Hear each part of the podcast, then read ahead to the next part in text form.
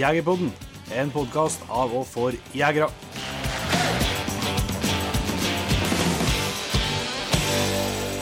Jon Ingevik, da kan vi ønske hjertelig velkommen til en helt ny episode av Jegerpodden. Ja. Jeg heter Jon Petter Meldingen, og i dagens episode så eh, er vi inne i jussens verden igjen. ja.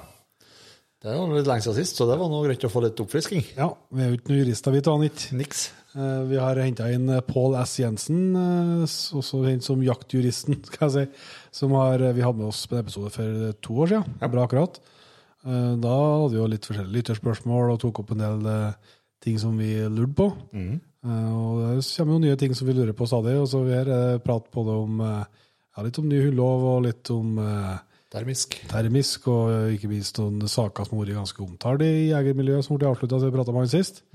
Så eh, tror jeg er litt eh, forskjellig snadder å få med seg for eh, dem som er glad i jakta. Og og litt fokus på ettersøk, noe som ligger uh, Pål sitt hjerte nært. da. Og det blir han engasjert òg, Det er blind. når det blir snakk om en ettersøk. Ja. Ja. Og juss òg. Ja. Jeg er kjempekar, Pål, men det skal vi nå komme tilbake til praten. Men jeg tenkte først jeg kunne fortelle litt om uh, helgas strabaser. ja. Du, vi kom hjem fra forrige langtur, så satte du deg i bilen og kjørte rett sørover igjen, du. Kjørte ny langtur.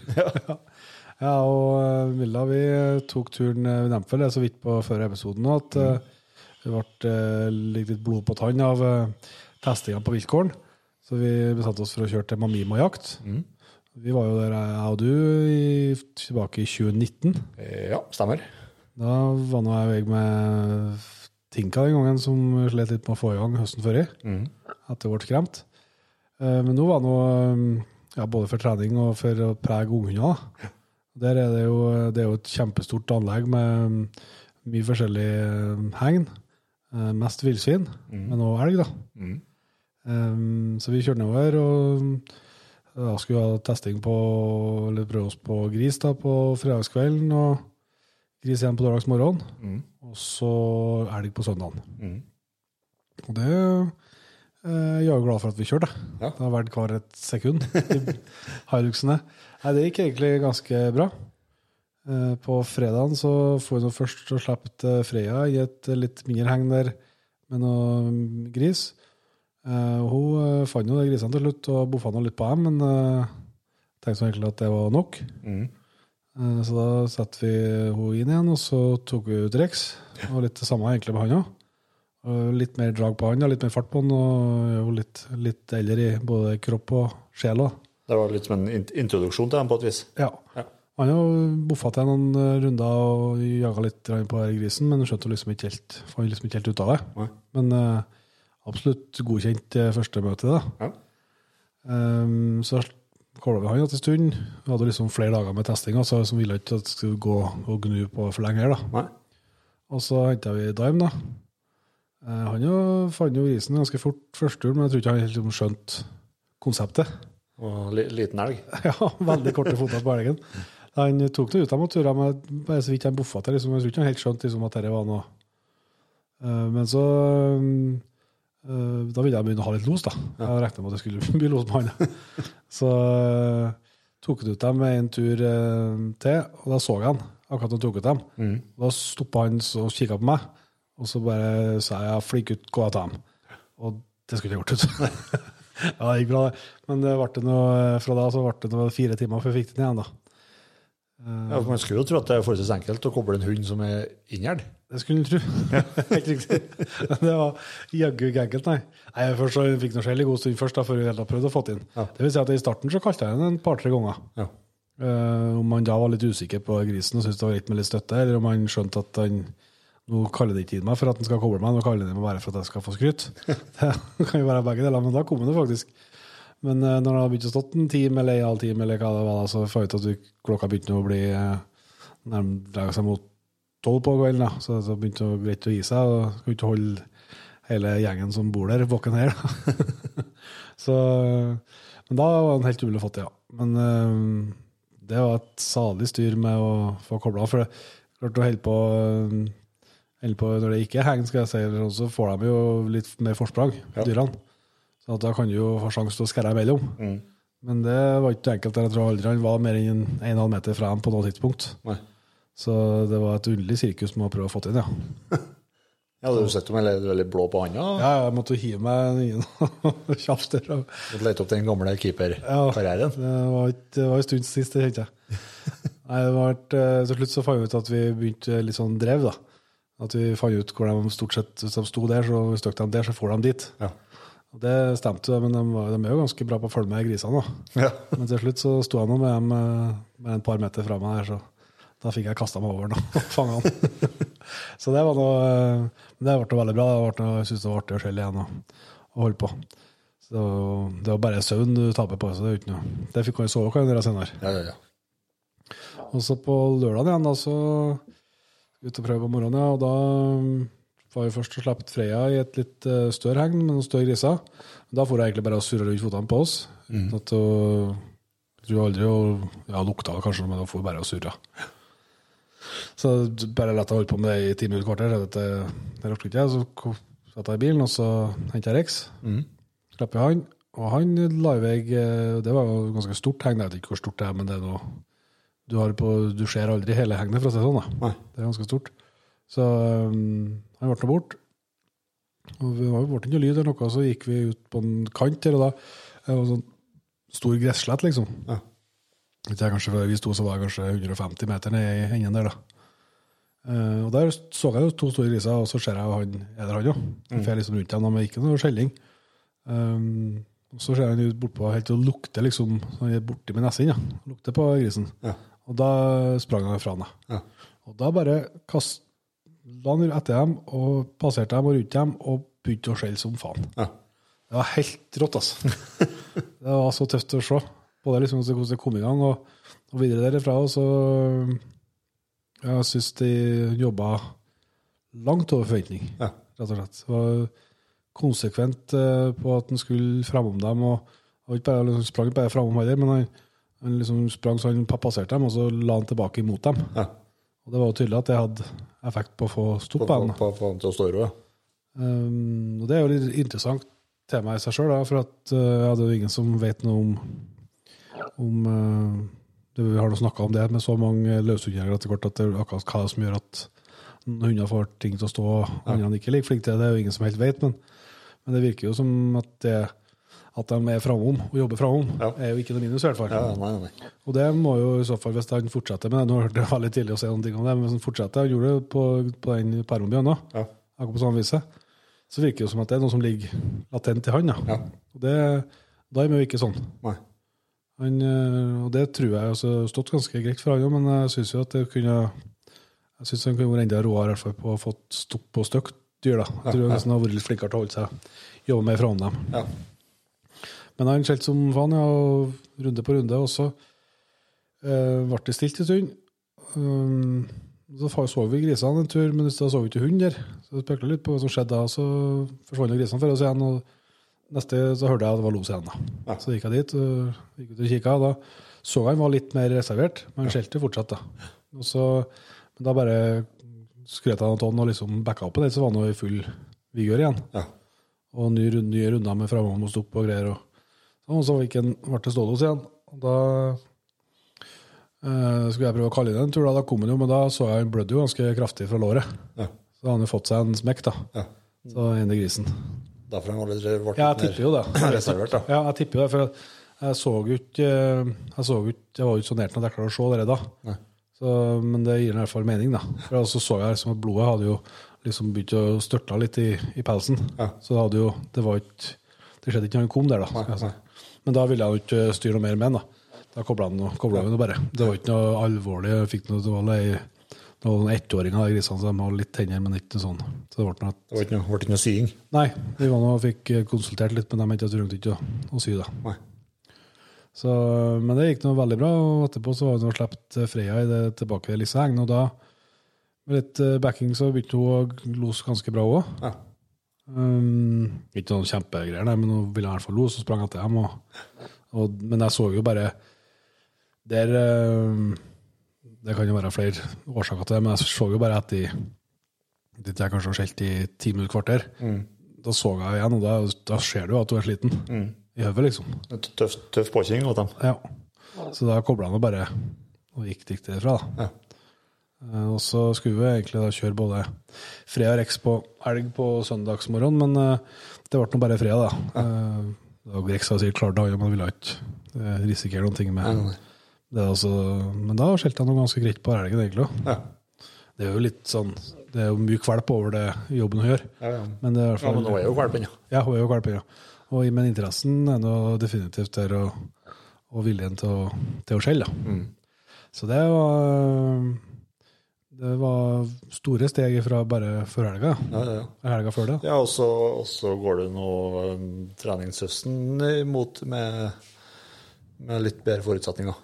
Ja, jeg, jeg vet jo det er mange som mener at det å drive ferde på test sånne plasser sånn det ikke er noe ikke har det igjen, for noen mener vel er direkte feil òg. Jeg er jo ikke den oppfatninga som, jeg, jeg som gjør det. Men Nei, og så er det feil å kalle det test på en vis, for at det er jo, man må jo se på det som, en, som, eh, som trening. ja, Og, og ja, preging på et vis for, for å få dem i en kontrollert situasjon. yes.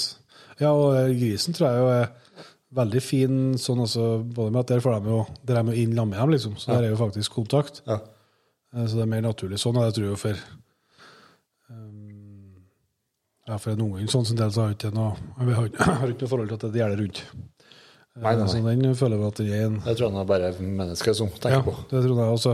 Så, um, og de får jo litt, litt motstand, og, og veldig fint det med at de har De har jo så mange forskjellige hegn at de eh, eh, Og kjenner jo grisene sine godt, på et vis. Ja. Så de vet at der her de springer bare unna eller står, og der, Mm. der kan gi litt mer motstand, og, og videre oppover. da. Ja. Eh, Sånn at Jeg tenkte jo Men det ble ikke så vi slapp Dime på lørdagen der, da. Eh, Det var spørsmål om for De syntes det gikk veldig bra med han. da, som Første gang jeg møtte gris, så ble det fire timer los. så vi kunne prøve en tur til på De han var noe tøffere griser. Ja. Så at nei, det er helgrunn. Ja, altså det, han er elghund og, det- og, og har jo en Når man ikke har noe, har noe hensikt og skal, noe mye mål og visjon om å skal bruke på villsvin. Og så har han en poenglighet som er langt over nødvendig på, på villsvin også. Ja, og så ja, og så var egentlig, egentlig handla det mest om at det laga til varmt utover dagen. Ja.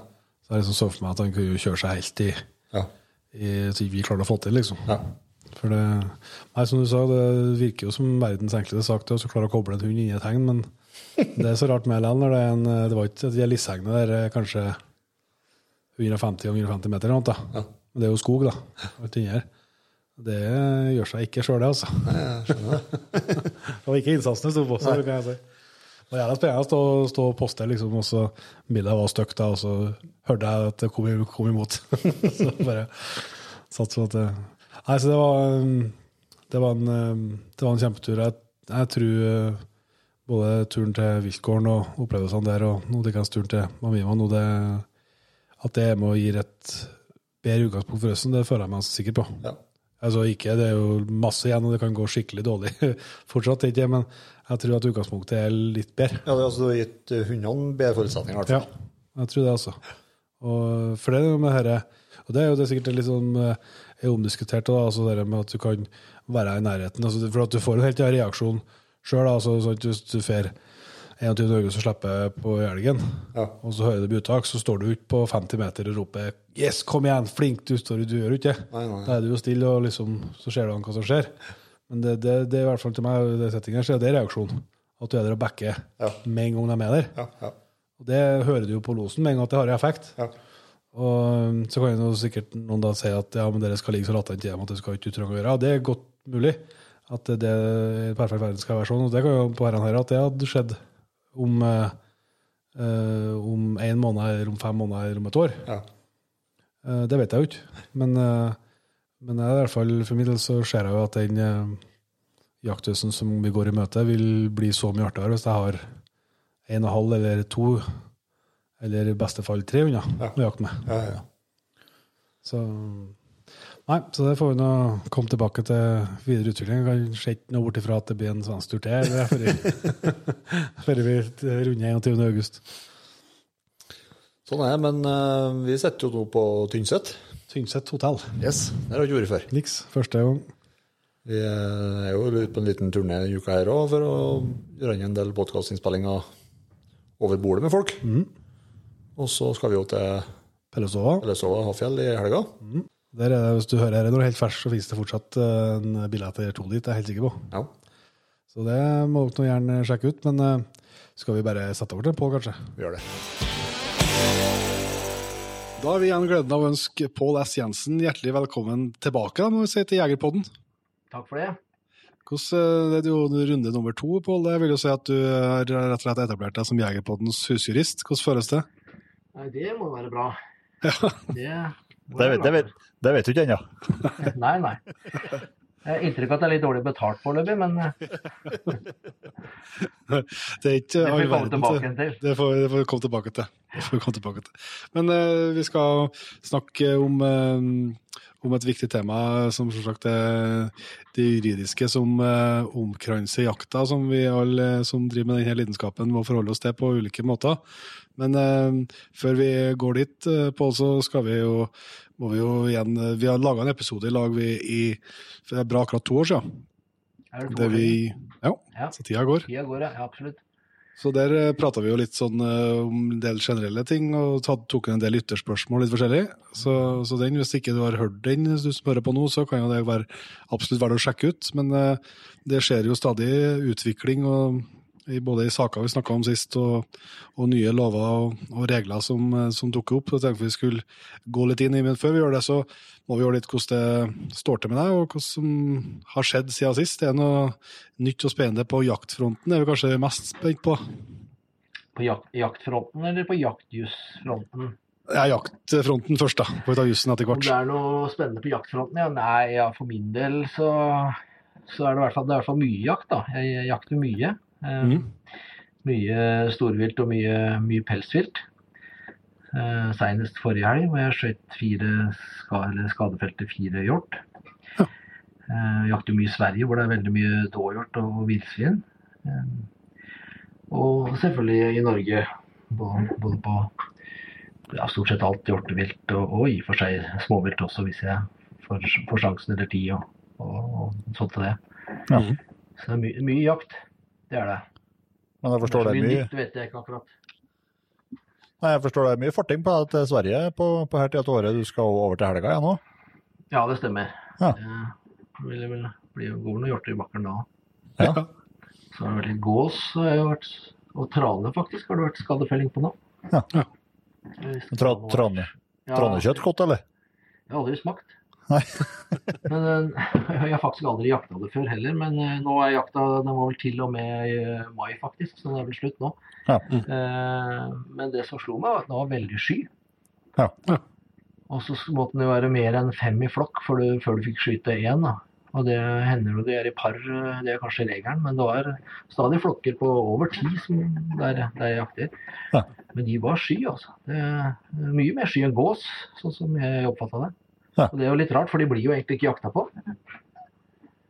Nei. Så hver gang jeg liksom skulle snike meg de siste ti meterne liksom ut litt, litt nærmere skogkanten bare, så tenkte jeg eller hver gang så tenkte jeg jeg kan, jeg kan jo skyte her, liksom i litt eh, Finne noen små høl og små vinduer og så og lure dem, men tenkte jeg går litt nærmere for å få litt bedre valg og se litt bedre. Og det var akkurat de meterne jeg ikke skulle gått. Ja. Så det gikk jo ikke så bra. Det virker meg. som generelt eh, at det, det er skadefellingsgæren eh, på, på alt mulig type. Så I Norge så forbinder skadefelling med, med store rovdyr, i all hovedsak. Men det, i Sverige så er det mye av det, spesielt lenger sør. da. Ja, det, det har jeg inntrykk av. Det er, jo, det er jo veldig mye mer dyr òg, så det, Ja, Mm. det er klart.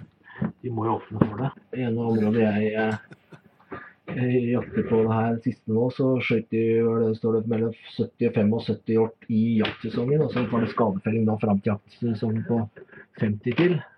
Det er jo det. Og det er ikke kjempestore områder. Nei. Så det er eh, mye dyr. Og det er klart den dåhjorten den gjør det er mer skade enn villsvinet, vil jeg tro. Eh, I antall og intensitet. Når de store flokkene kommer ut og beiter, så er det snart ikke noe vits med skurtresker etter noen måneder. Nei. Heldigvis så har du noen som tar ansvar, da. Ja. Prøver å bli kvitt Det er, jo, det er jo bra at det er noen som kan ta en sånn jobb. Mhm. Så ikke- Så vegetarianerne ikke får ødelagt for mye av maten sin. ja. Må vokte seg vel for det. Hundene, er det, er det Bayer det går på? Ja, en uh, bayersk hvitsporhund, og så en uh, Rhodesian Ridgeback, som er jo en stor, stor utgave på en måte av, av den versjonen. Eller det er egentlig den største jakthunden i, i, i klasse 6, og egentlig altfor stor til ettersøk. Da. Det er derfor jeg har gått ned på en bayer. Ja. Det blir litt voldsomt uh, i, i lina med en sånn Ridgeback på 40 kg med muskler. Ja, det, det, det kan jeg forstå. Ja, jeg var på en sånn ettersøkssamling uh, for noen år siden uh, med Hanover og, og, og Bayer, og så sa jeg til oppretter at som jeg vurderte å få valp fra for øvrig. Han hadde en veldig flott eh, Hanover-tispe. Så sa jeg at hvis du sammenligner de der med en Richback, så er det som å sammenligne folkevogn med en Ferrari. Så det var ikke hyggelig sagt, men, men det er jo noe i det. Så, altså, kroppsmessig det er jo en, helt rå hunder, syns jeg, de Richbackene. Men, eh, men som sporhunder så, så, så er jo en Bayer med mye mer spornøye. Litt som å kjøre bil og gjennom skogen og henge bak en sånn, sikkert. ja. Ja, det, du, du skjønner i hvert fall hvorfor, hvorfor noen ettersøksjegere bruker hjelm med visir og sånt noe da. Og jeg har vært inne på tanken om jeg skulle få meg sånn anker som hundekjørerne bruker. Du går i hvert fall rundt de trærne du kan for å få litt friksjon i lina, for å si det sånn. Ja. Det er ikke så bra. Nei, men det forstår jeg at det ikke det, Du rekker på litt andre ting enn juss om dagene, da. Ja da, det, det må en jo prøve på. Det, det er jo kjedelig å bare eh, jobbe, syns jeg. Det, Mm. det er jo mange jurister som gjør det, men det, det blir jo et litt fattig menneske av. Ja. Mm. Det er klart. Og Hogge litt ved og jakte litt og være ute med bikkjer og Ja. det er- Livet består av mer enn å bare tjene penger. Det er sånn. Heldigvis. Men uh, vi skal komme litt tilbake til det med ettersøk, for dere uh, vet at du har eh, både mye erfaring og mye tanker, Pål. Men eh, hvis vi eh, slår til med litt uh, jussprat uh, først, så er det jo det er mye forskjellig vi har tenkt vi skal, skal innom uh, av ulike, ulike fasetter, skal jeg si. Men en ting som virker som det ikke har, har aldri, aldri blir uaktuelt, for å si det, i hvert fall fram til nå, kanskje, da, det er jo den her termiske debatten og bruk av termiske kikkert eh, til, til jakt. Eh, der har det vært anmeldelse av Kristoffer Klausen, eh, som har vært ganske mye omtalt, i hvert fall i jegerkretser. da. Ja, og der er jeg litt spent på å høre på hva du tenker om ja, både om anmeldelser, om saksgangen som har vært der, og, og etter hvert også, selvsagt konklusjonen som har, som har kommet òg. Ja da, jeg fikk jo med meg den saken, og Kristoffer ringte meg også og lurte på om jeg kunne hjelpe ham med den, og det skulle jeg jo gjerne gjort, men, men dessverre så ble den saken henlagt. Mm. Det var jo Så, så den, eh, den fikk jeg jo ikke gleden av å, å følge med videre på, men, men når det er sagt, så er jo henleggelsen selvfølgelig helt riktig. Um, og det er jo i tråd med det jeg sjøl har fremholdt siden 2014 eller 2015 eller sånt. Første gang på, på Jaktjus og, og, i, og i bladet Jakt. Så um, for min del så må jeg si at det spørsmålet ikke rettsspørsmålet ikke har vært særlig krevende. Det, det som har vært mer overraskende, er på en måte at direktoratet eh, hele tida standhaftig har holdt på at det skal være forbudt. Mm. Til tross for eh, at det ikke er noen rettskilder som egentlig tilsier at det skal rammes av loven. Mm. Så, så det er vel ikke så overraskende, i hvert fall fra min side, men, men det kunne vært morsomt med en sak, selvfølgelig. Ja, for det For at det som du, du sa, det ble jo det var, For det ble henlagt i to runder. Ja, først av politiadvokaten, eh, og så ble jo da den klagen eh, forkasta av statsadvokaten nå for ikke altfor lenge siden. Ja. Så han, sånn, Kristoffer han er, han er frikjent for den anmeldelsen der. Han, det, han, ja, han er jo ikke frikjent, for det er det jo i så fall retten som kan, men, men Ja. det ble henlagt som ikke straffbart forhold. Og, Så de tok jo stilling til rettsspørsmålet og, og ville ikke forfølge det. Mm. Nei. Så det Og Miljødirektoratet kom jo med uttalelse eh, i etterkant av den, eh, av den eh, eller når klagen ble avvist. da. ja, ja, de skulle vel legge det på hylla nå. Mm. Og det, noe annet er jo ikke så lett, da, siden de ikke sjøl er påtalemyndighet. Så hvis påtalemyndigheten ikke vil forfølge sakene de anmelder, eller det, så, så må de jo ta det inn over seg. Men det vil altså si da, at sånn juridisk sett så, så er den eh, Eller men så kan, kan jeg altså si at noen i et annet politidistrikt blir anmeldt for det samme. Og så mener politiadvokaten der at eh, dette ikke, dette er ulovlig. Kan det da bli en rettsrunde, eller vil eh, politiadvokatene snakke og de snakke seg imellom, skal jeg si, så at det her, er- For at dir- direktøren sier at de kommer ikke til å anmelde noe flere eventuelt før det foreligger et nytt regelverk. Nei. Nei, og det er jo selvfølgelig det eneste fornuftige. I teorien så kan det skje det du sier, at, eh, at de eller noen andre anmelder og en, en annen påtalejurist vurderer det annerledes. Ja. Men nå tror jeg dette her skulle bli en sak i Miljøkrim også. Eh, Jeg synes Statsadvokaten sa det, tror jeg, at de skulle legge det litt bredt, bredt anlagt og opp og, og kommunisere det i, i et, politietaten. Ja. Og det har vært ganske stor interesse i, ja, skjønte jeg, på, Mm. fra, også internt i påtalemyndigheten. Mm. Ja. Det har jo vært eh, Det er fordi det har vært haussa litt opp da, blant enkelte. Mm. Det er veldig rart de velger å gjøre det når rettsgrunnlaget er eh, i beste fall så usikkert, og det også eh, om relativt kort tid står foran en ny viltlov hvor, hvor de eventuelt kan klargjøre det. da. Men opplever du at det etter, Ettersom du Kristoffer tok, tok kontakt med deg, sånn, opplever du at det var den filmen han la ut av fellinga som eh, gjorde til at anmeldelse har kommet der? Jeg er litt usikker på hvorfor den eh, anmeldelsen kom, eller hvordan den kom, men det er klart han, han la jo på en måte huet på blokka da, når han gjorde det på den måten. Ja. Mm. Og Det var en dårlig bevart hemmelighet hva som hadde skjedd, og, og at han hadde gjort det, så jeg er litt u uklart for meg akkurat hvorfor det skjedde.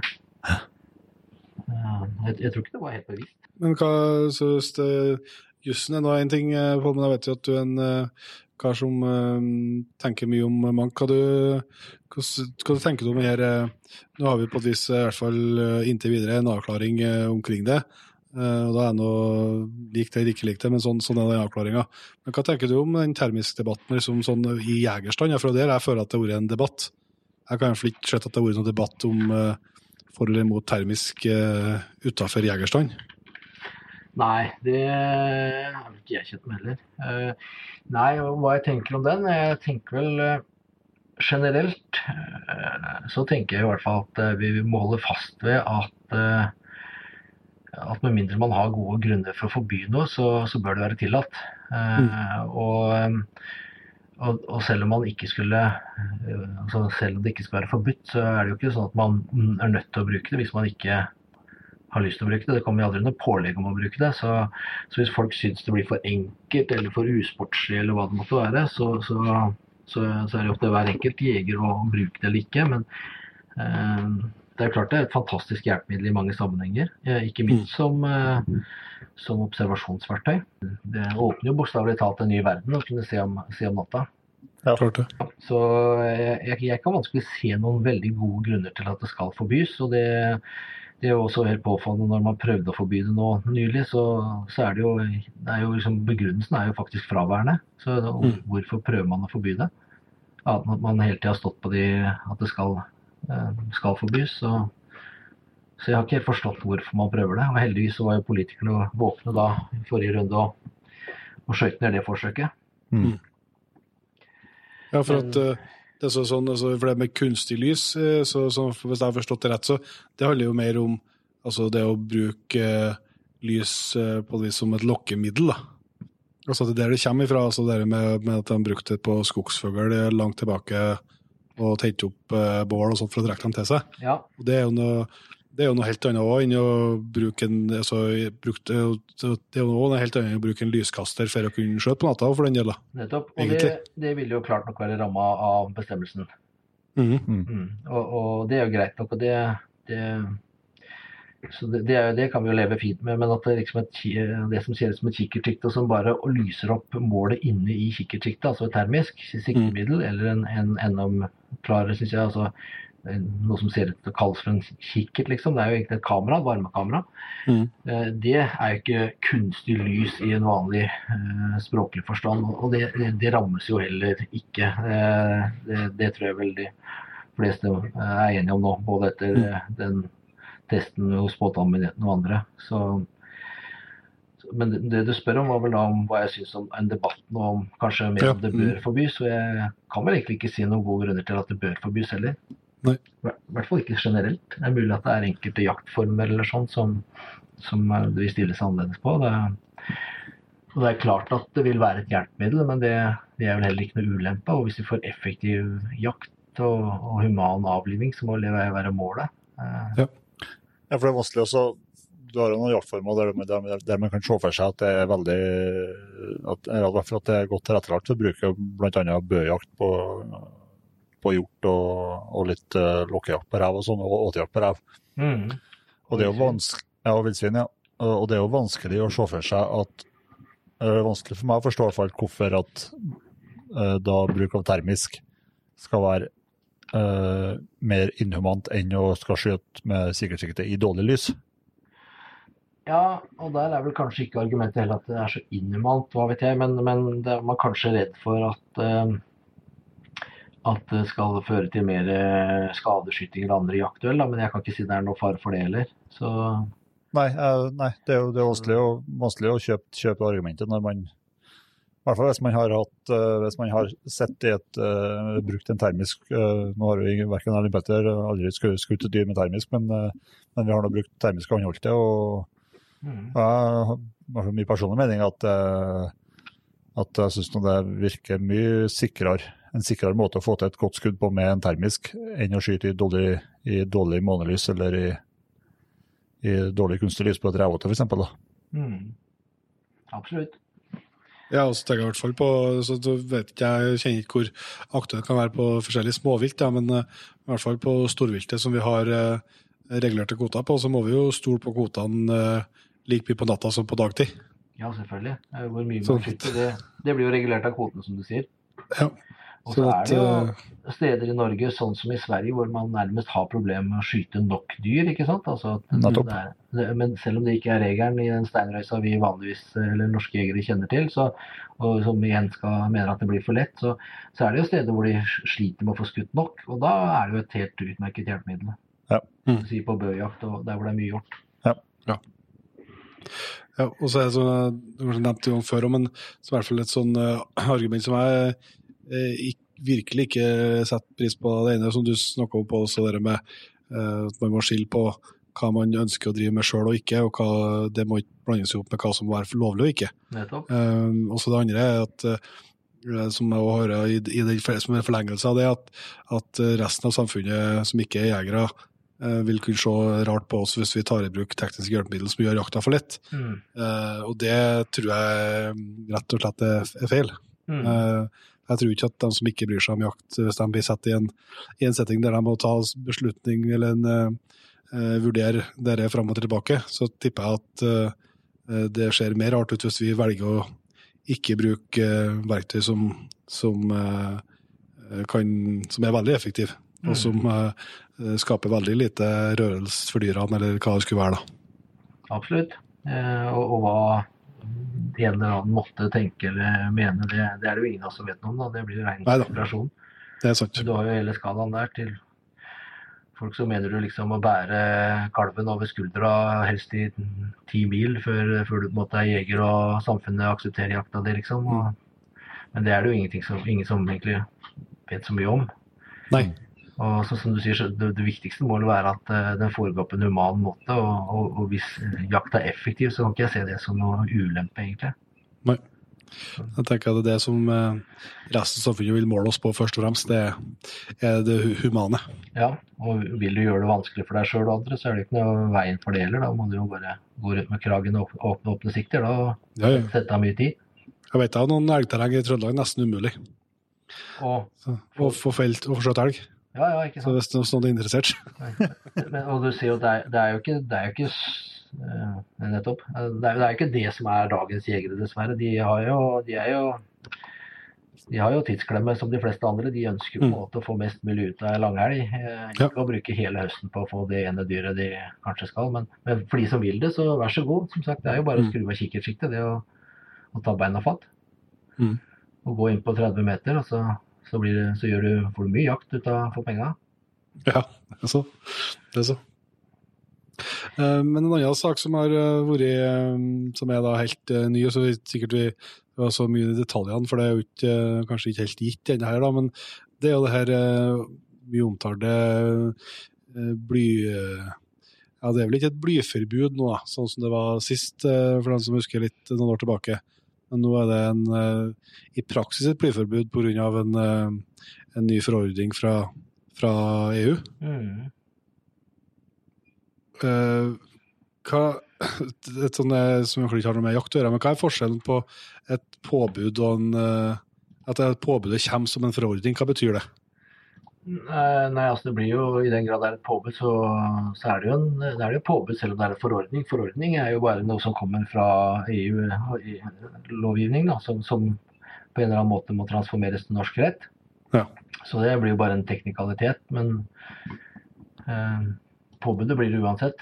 Ja. Og da er det den her, eh, da er den her våtmarksdefinisjonen da, som eh, nå eh, kommer på plass og gjør det her eh, Stikk kjepper i hjulene for dem som ønsker å bruke blyhagl. Ja, jeg skjønte det. Jeg, jeg kjenner, den, den diskusjonen og, og saken kjenner jeg ikke veldig mye til. Jeg har ikke vært veldig aktiv i den bly, blydebatten, men uh, jeg, jeg har skjønt det sånn som du sier det, ja. Og da, at man i realiteten har lagd en så vid definisjon av våtmark at det, det tar med seg egentlig all jakt i praksis. I hvert fall Ja. fuglejakt.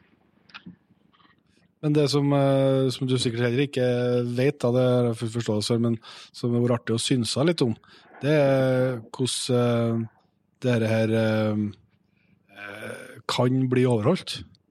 Altså sånn for at så Sist så var det jo et forbud altså rent forbud mot blyhagl, og det betydde at det var ikke mulig å få kjøpt det i butikkene. og det var ikke eh, lov verken å, Jeg skal ikke si om du har lov til å ha i våpenskapet og aldri bruke det, vet ikke jeg hvordan regelen var, men i hvert fall ikke lov til å, å ta med deg noen plass og, og bruke det noen ting.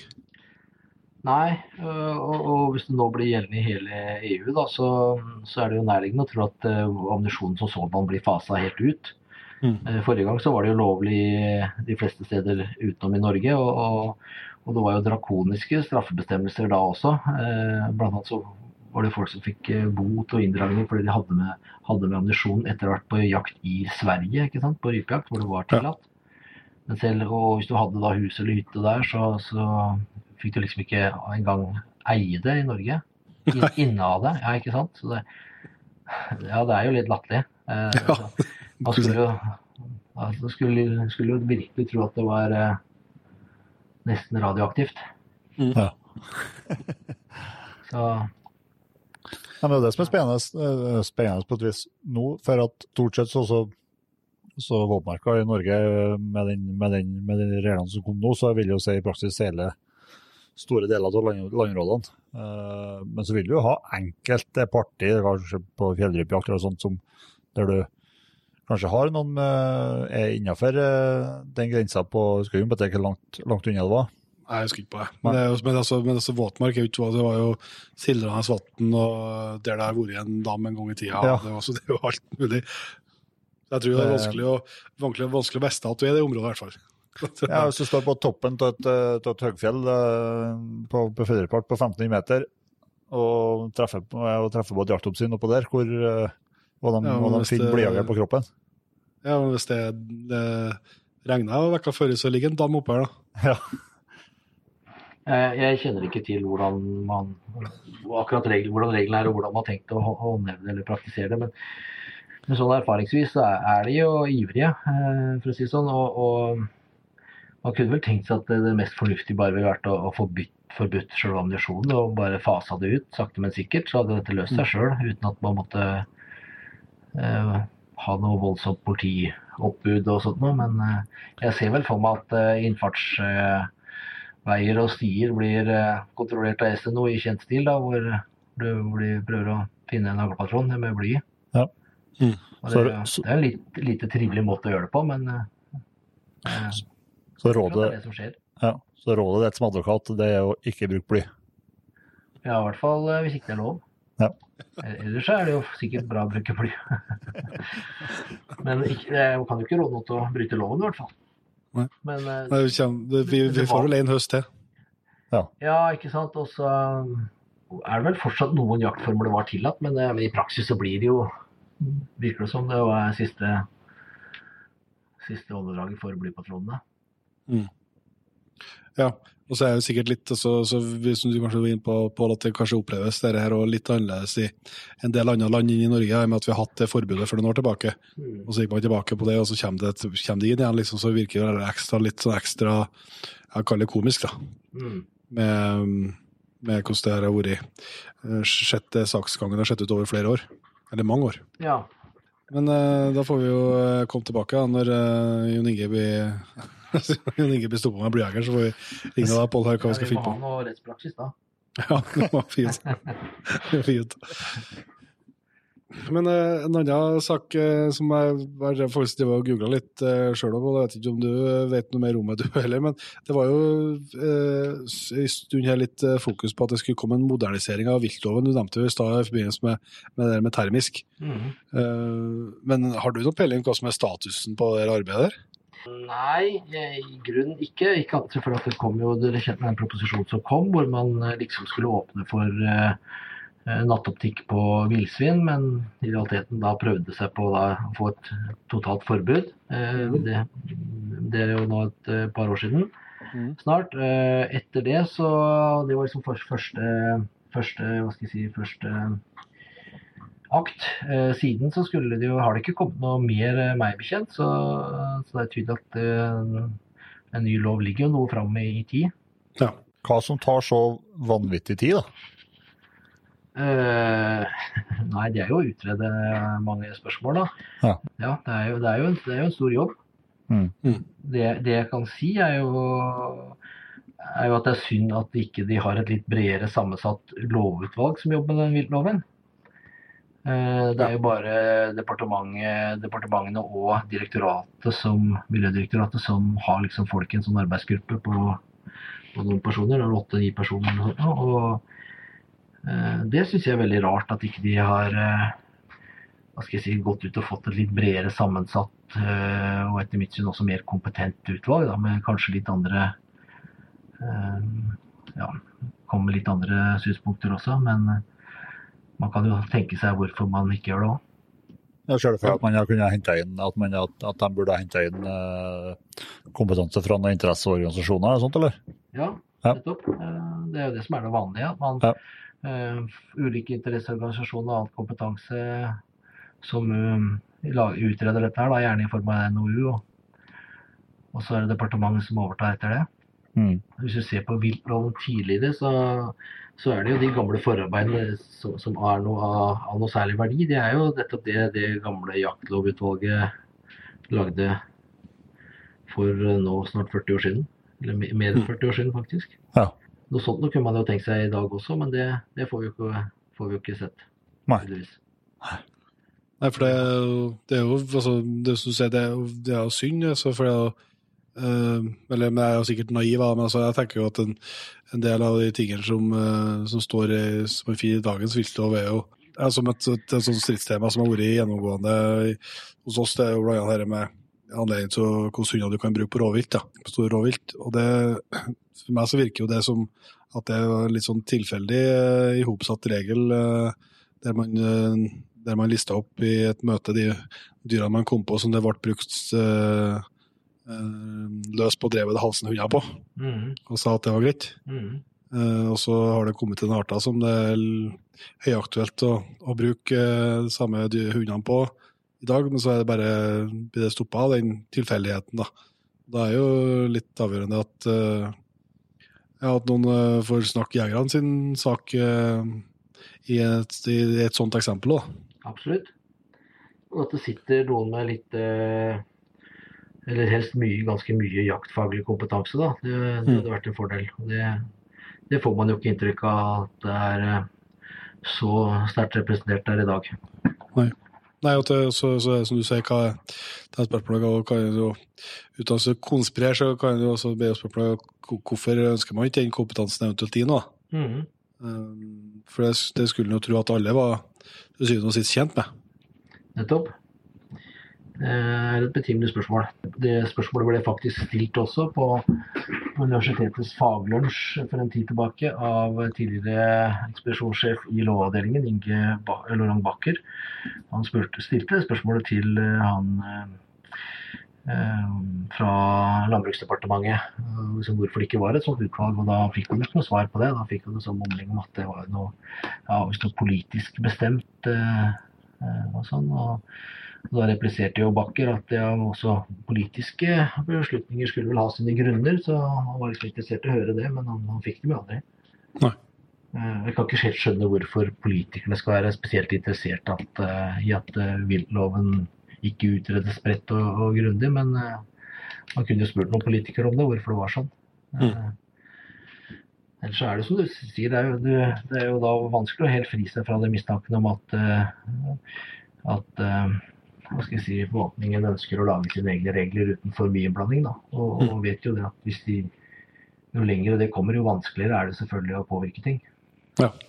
Eh, Fikk du vel en stor overraskelse akkurat med eh, nattoptikk, hvor næringskomiteen eh, var uvanlig våkne og skjøt det ned, men det var vel ikke akkurat sånn de hadde tenkt seg det, tror jeg. Nei.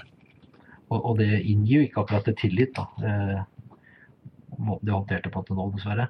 Nei. Er, eh, men hva, så er det, eh, så kan, hva kan man se for seg når det, det er et skritt litt lenger fram? Altså, det vil jo være, vil jo være noen sånne høringsrunder da, som, eh, som en, en vanlig jeger kan, kan engasjere seg i òg, liksom?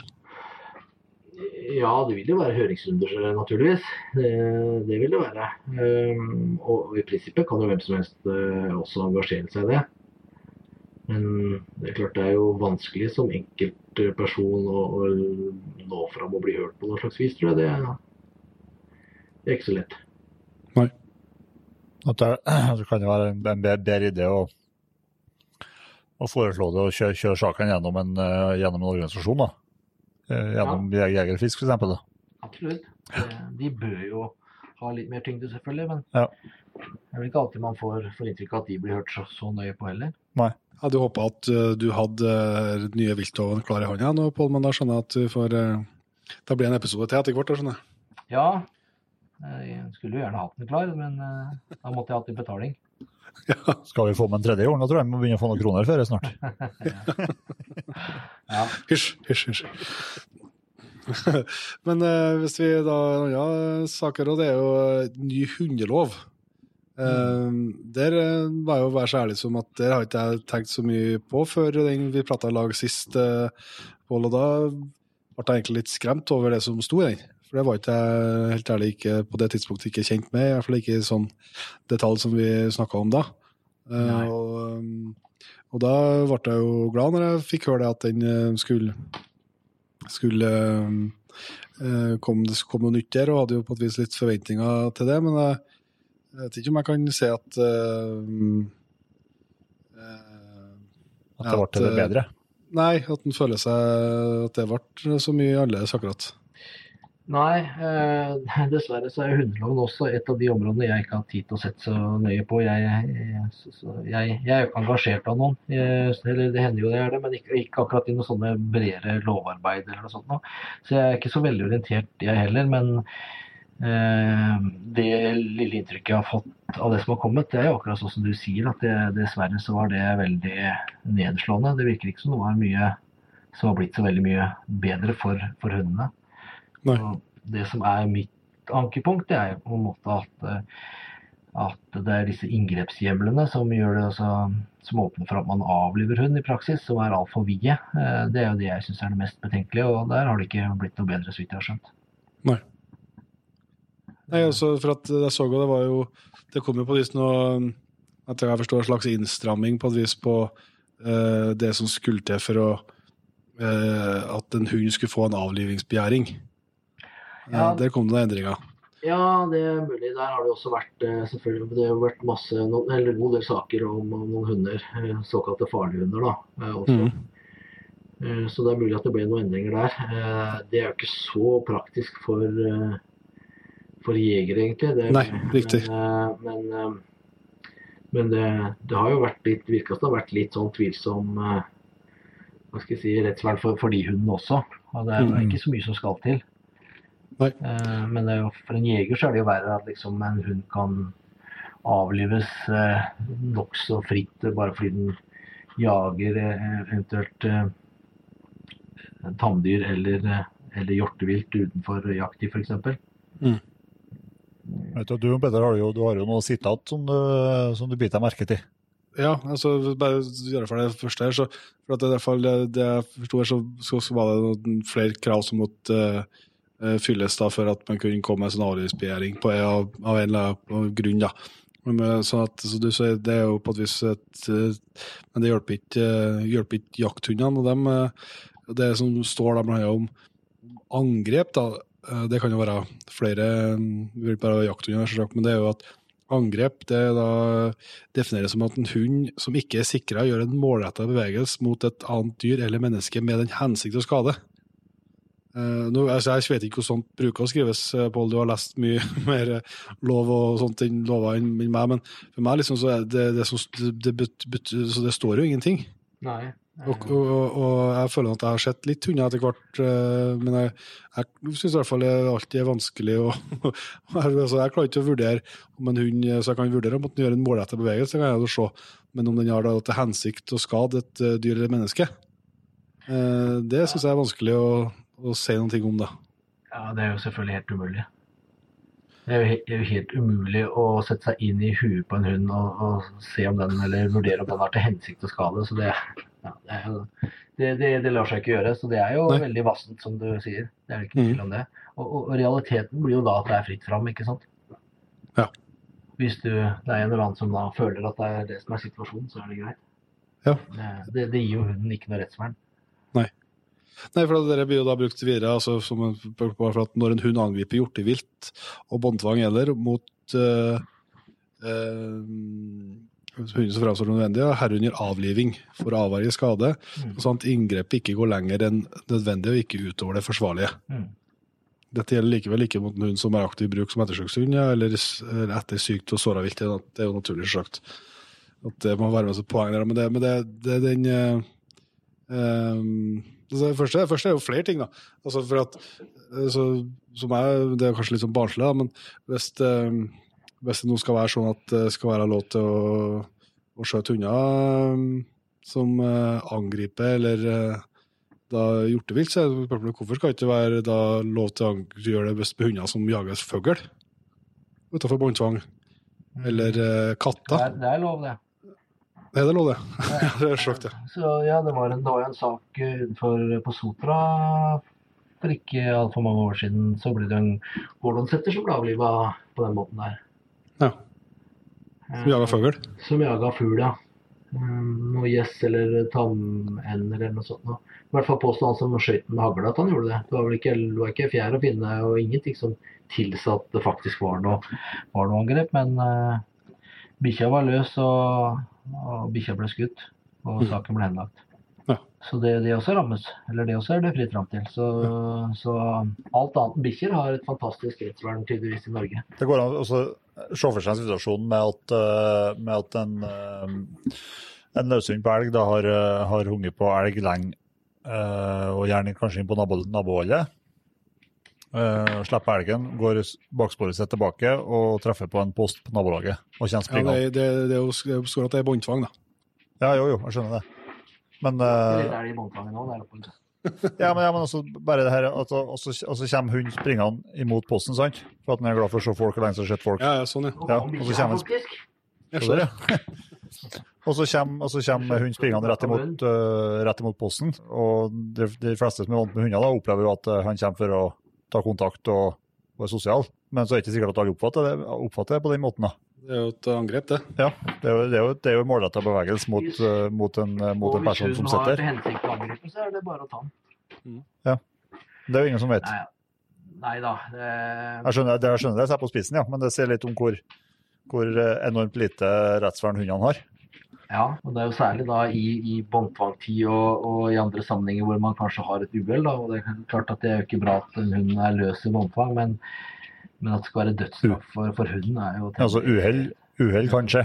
Det burde jo heller vært dødsstraff på eieren, da, hvis det skal være noe logikk i det. Hunden gjør jo bare det som er naturlig for den. Ja.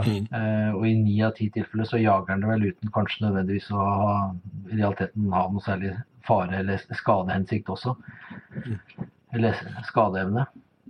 Men, eh, og igjen, det er, det er jo tragisk at det, om, om det skjer, men, men ikke sant, dette er jo F.eks. i Sverige så, så, så er det jo da en avveining av, av verdien av, av vilt og, og tamdyret. Så er det jo et eh, økonomisk eh, oppgjør liksom, mellom eieren, eierne. og Det er jo, virker jo litt mer fornuftig enn at det skal være dødsstraff for bikkja.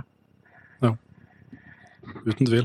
Så, For det er klart altså, hvis man er uheldig eller altså, man får voldelig skade på Det er ikke noe som det, det er hjortevilt eller om det er tanndyr, så skal man gjøre opp for seg. Nettopp. Eh, Det er jo ikke noe spørsmål om. Og at en jager et hjortevilt, altså det er jo eh, å bli jaget av en hund, det, altså det er jo det hva skal jeg si, hjorteviltet er utsatt for egentlig daglig i naturen. Eh, Det er ulv eller rev eller eh, jerv eller andre naturlige rovdyr, så, så, så er jo de vant til å bli jagd eh, og, og jakta på. Så, så det i seg sjøl er jo faktisk veldig dramatisk, selv om det er eh, kanskje kjedelig.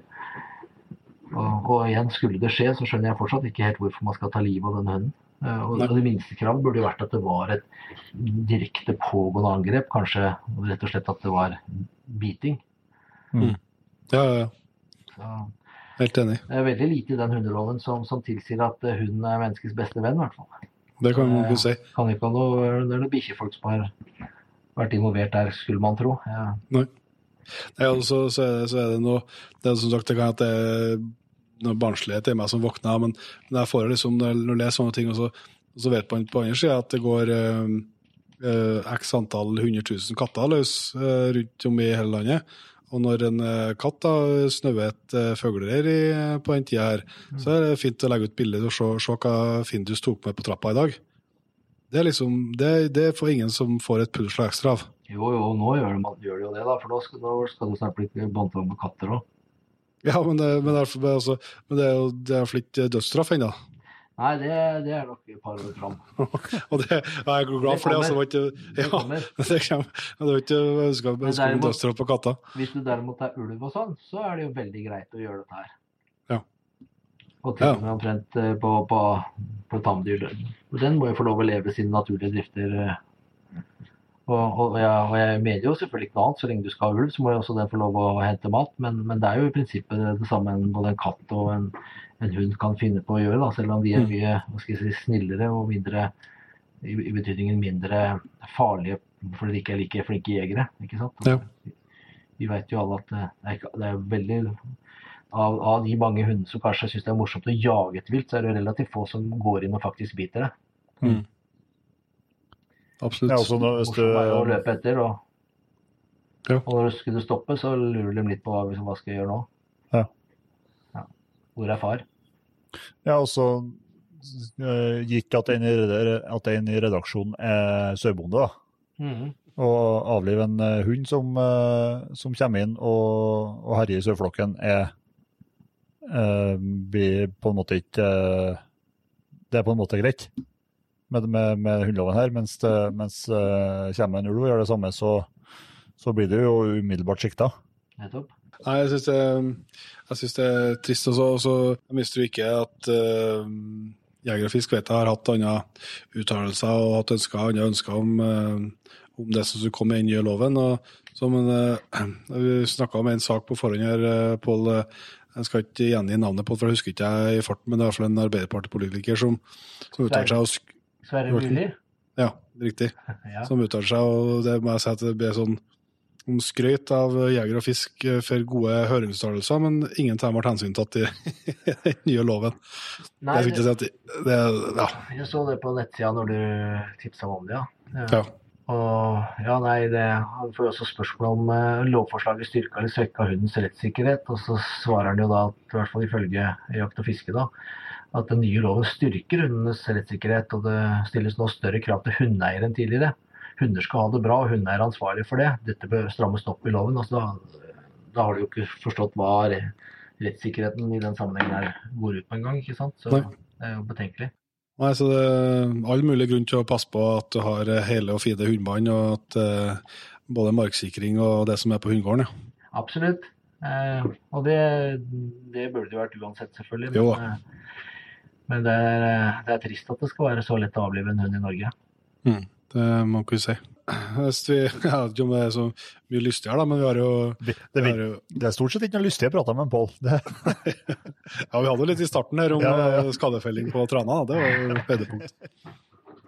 Ja, ja, ja. Nei, det er de som stiller spørsmålet, da. Ja, og du, og du som må være der borti eh, både til politimann og jurist, så. Det er valgfritt, det òg. Men uh, vi har jo vi snakka om to saker tror jeg vi var innom sist, uh, men som siden den gangen har blitt avslutta. Og, og det her gikk uh, blant på en eh, hodeskudd mot en rein, og så en, eh, også en uh, sak om hvem som eide et gevir fra en hjort som ble felt.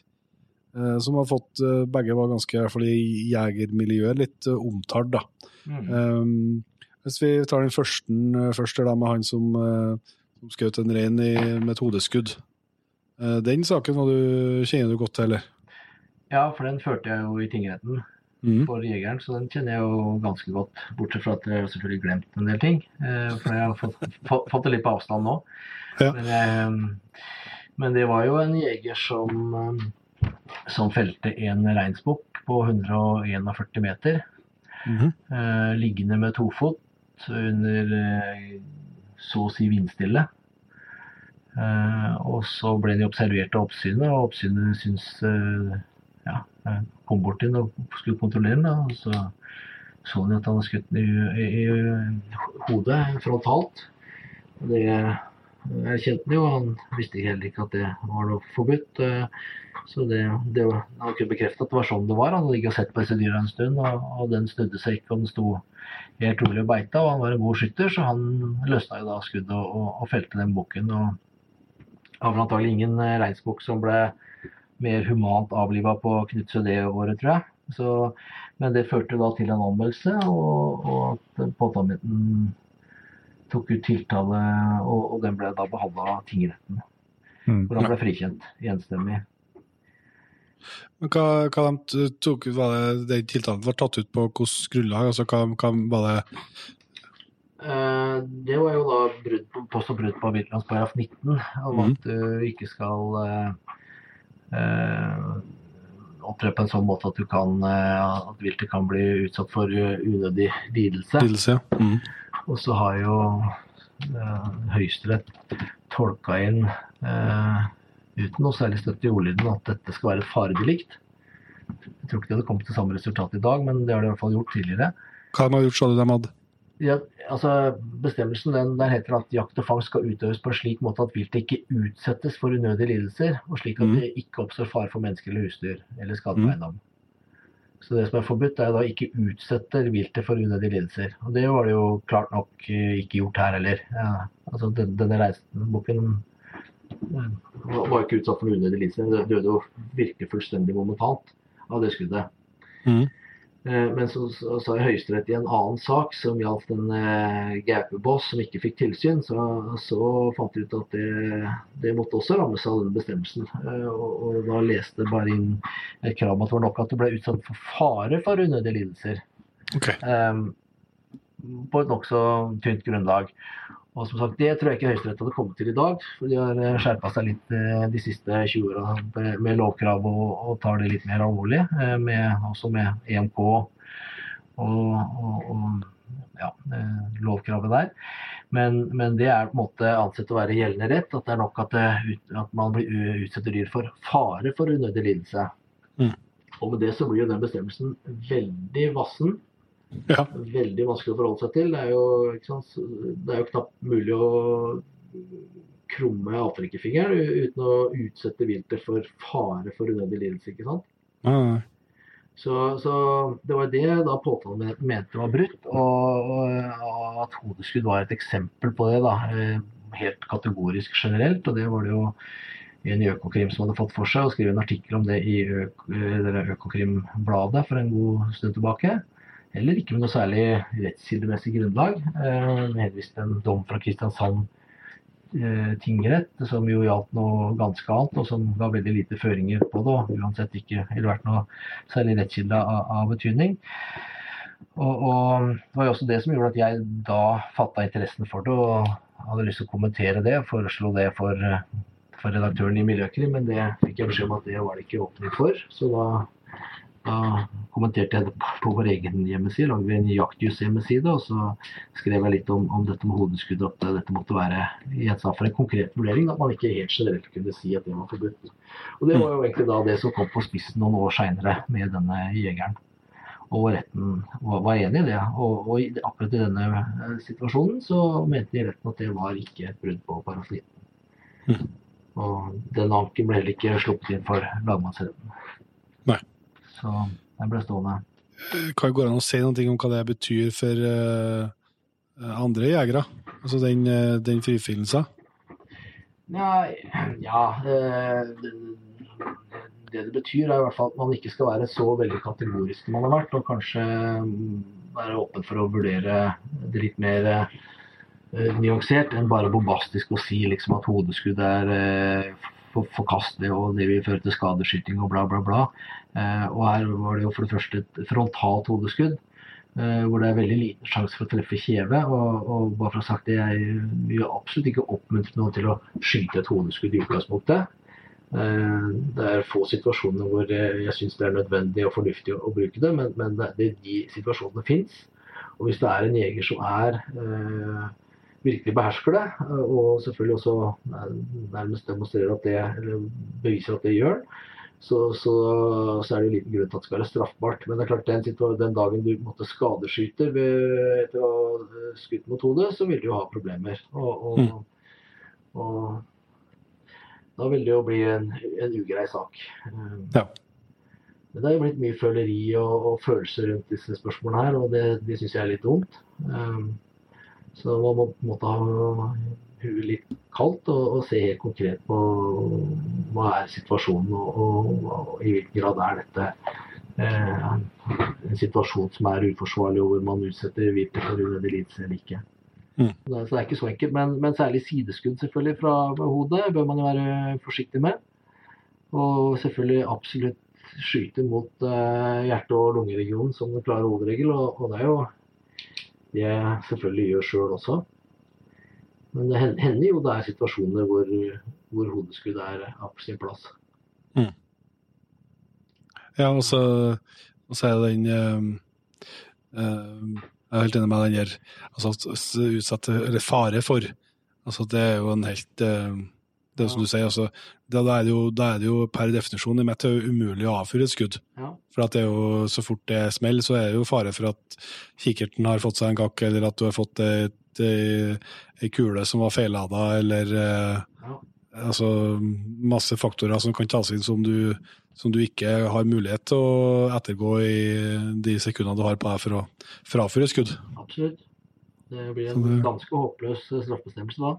ja, du må ikke se det. Så, så det Nei, det er- det er helt sikkert. Men det var i hvert fall eh, bra, at, eh, bra for han ja, at han eh, slapp noe videre styr med det der. Ja, Absolutt. Så får vi Men det, er så, det, det vil jo Spørsmålet er om han hadde en god advokat. ja, Resultatet ble i hvert fall bra, så, sånn som jeg ser det.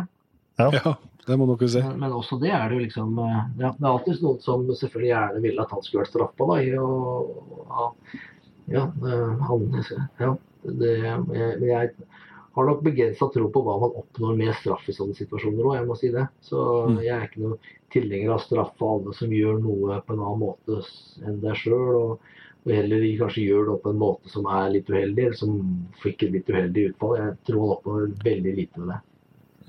Ja, så kanskje, kanskje igjen så er vi inne på at eh, den største kritikken kommer fra våre egne. Ja, nettopp. Ja, og det er Ja. det vi er litt sikta til nå. Ja. Mm.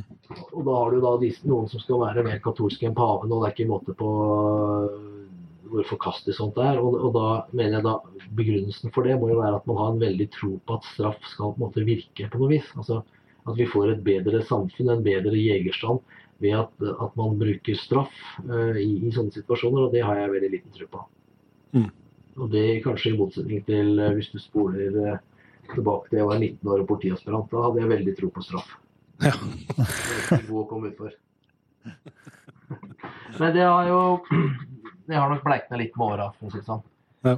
Og, og, og det er jo en annen type sosial fordømmelse som er mye viktigere i, i de sammenhengene her. Liksom både hvordan du blir oppfatta blant i jaktlaget. Og det er klart, om du er uheldig og skyter en kompis eh, med hagl i, i beinet, som jeg hadde den, den siste saken jeg hadde nå, under rypejakt så du- Jeg tror ikke du gjør det så veldig mye mer eller mindre fordi du vet du, du kan få et forelegg på 15 000, liksom. Eh, Nei. jeg tror det er heller eh, ja, andre forhold som egentlig som er viktigere for å styre atferd enn enn bruk av straff i sånne sammenhenger. Mm.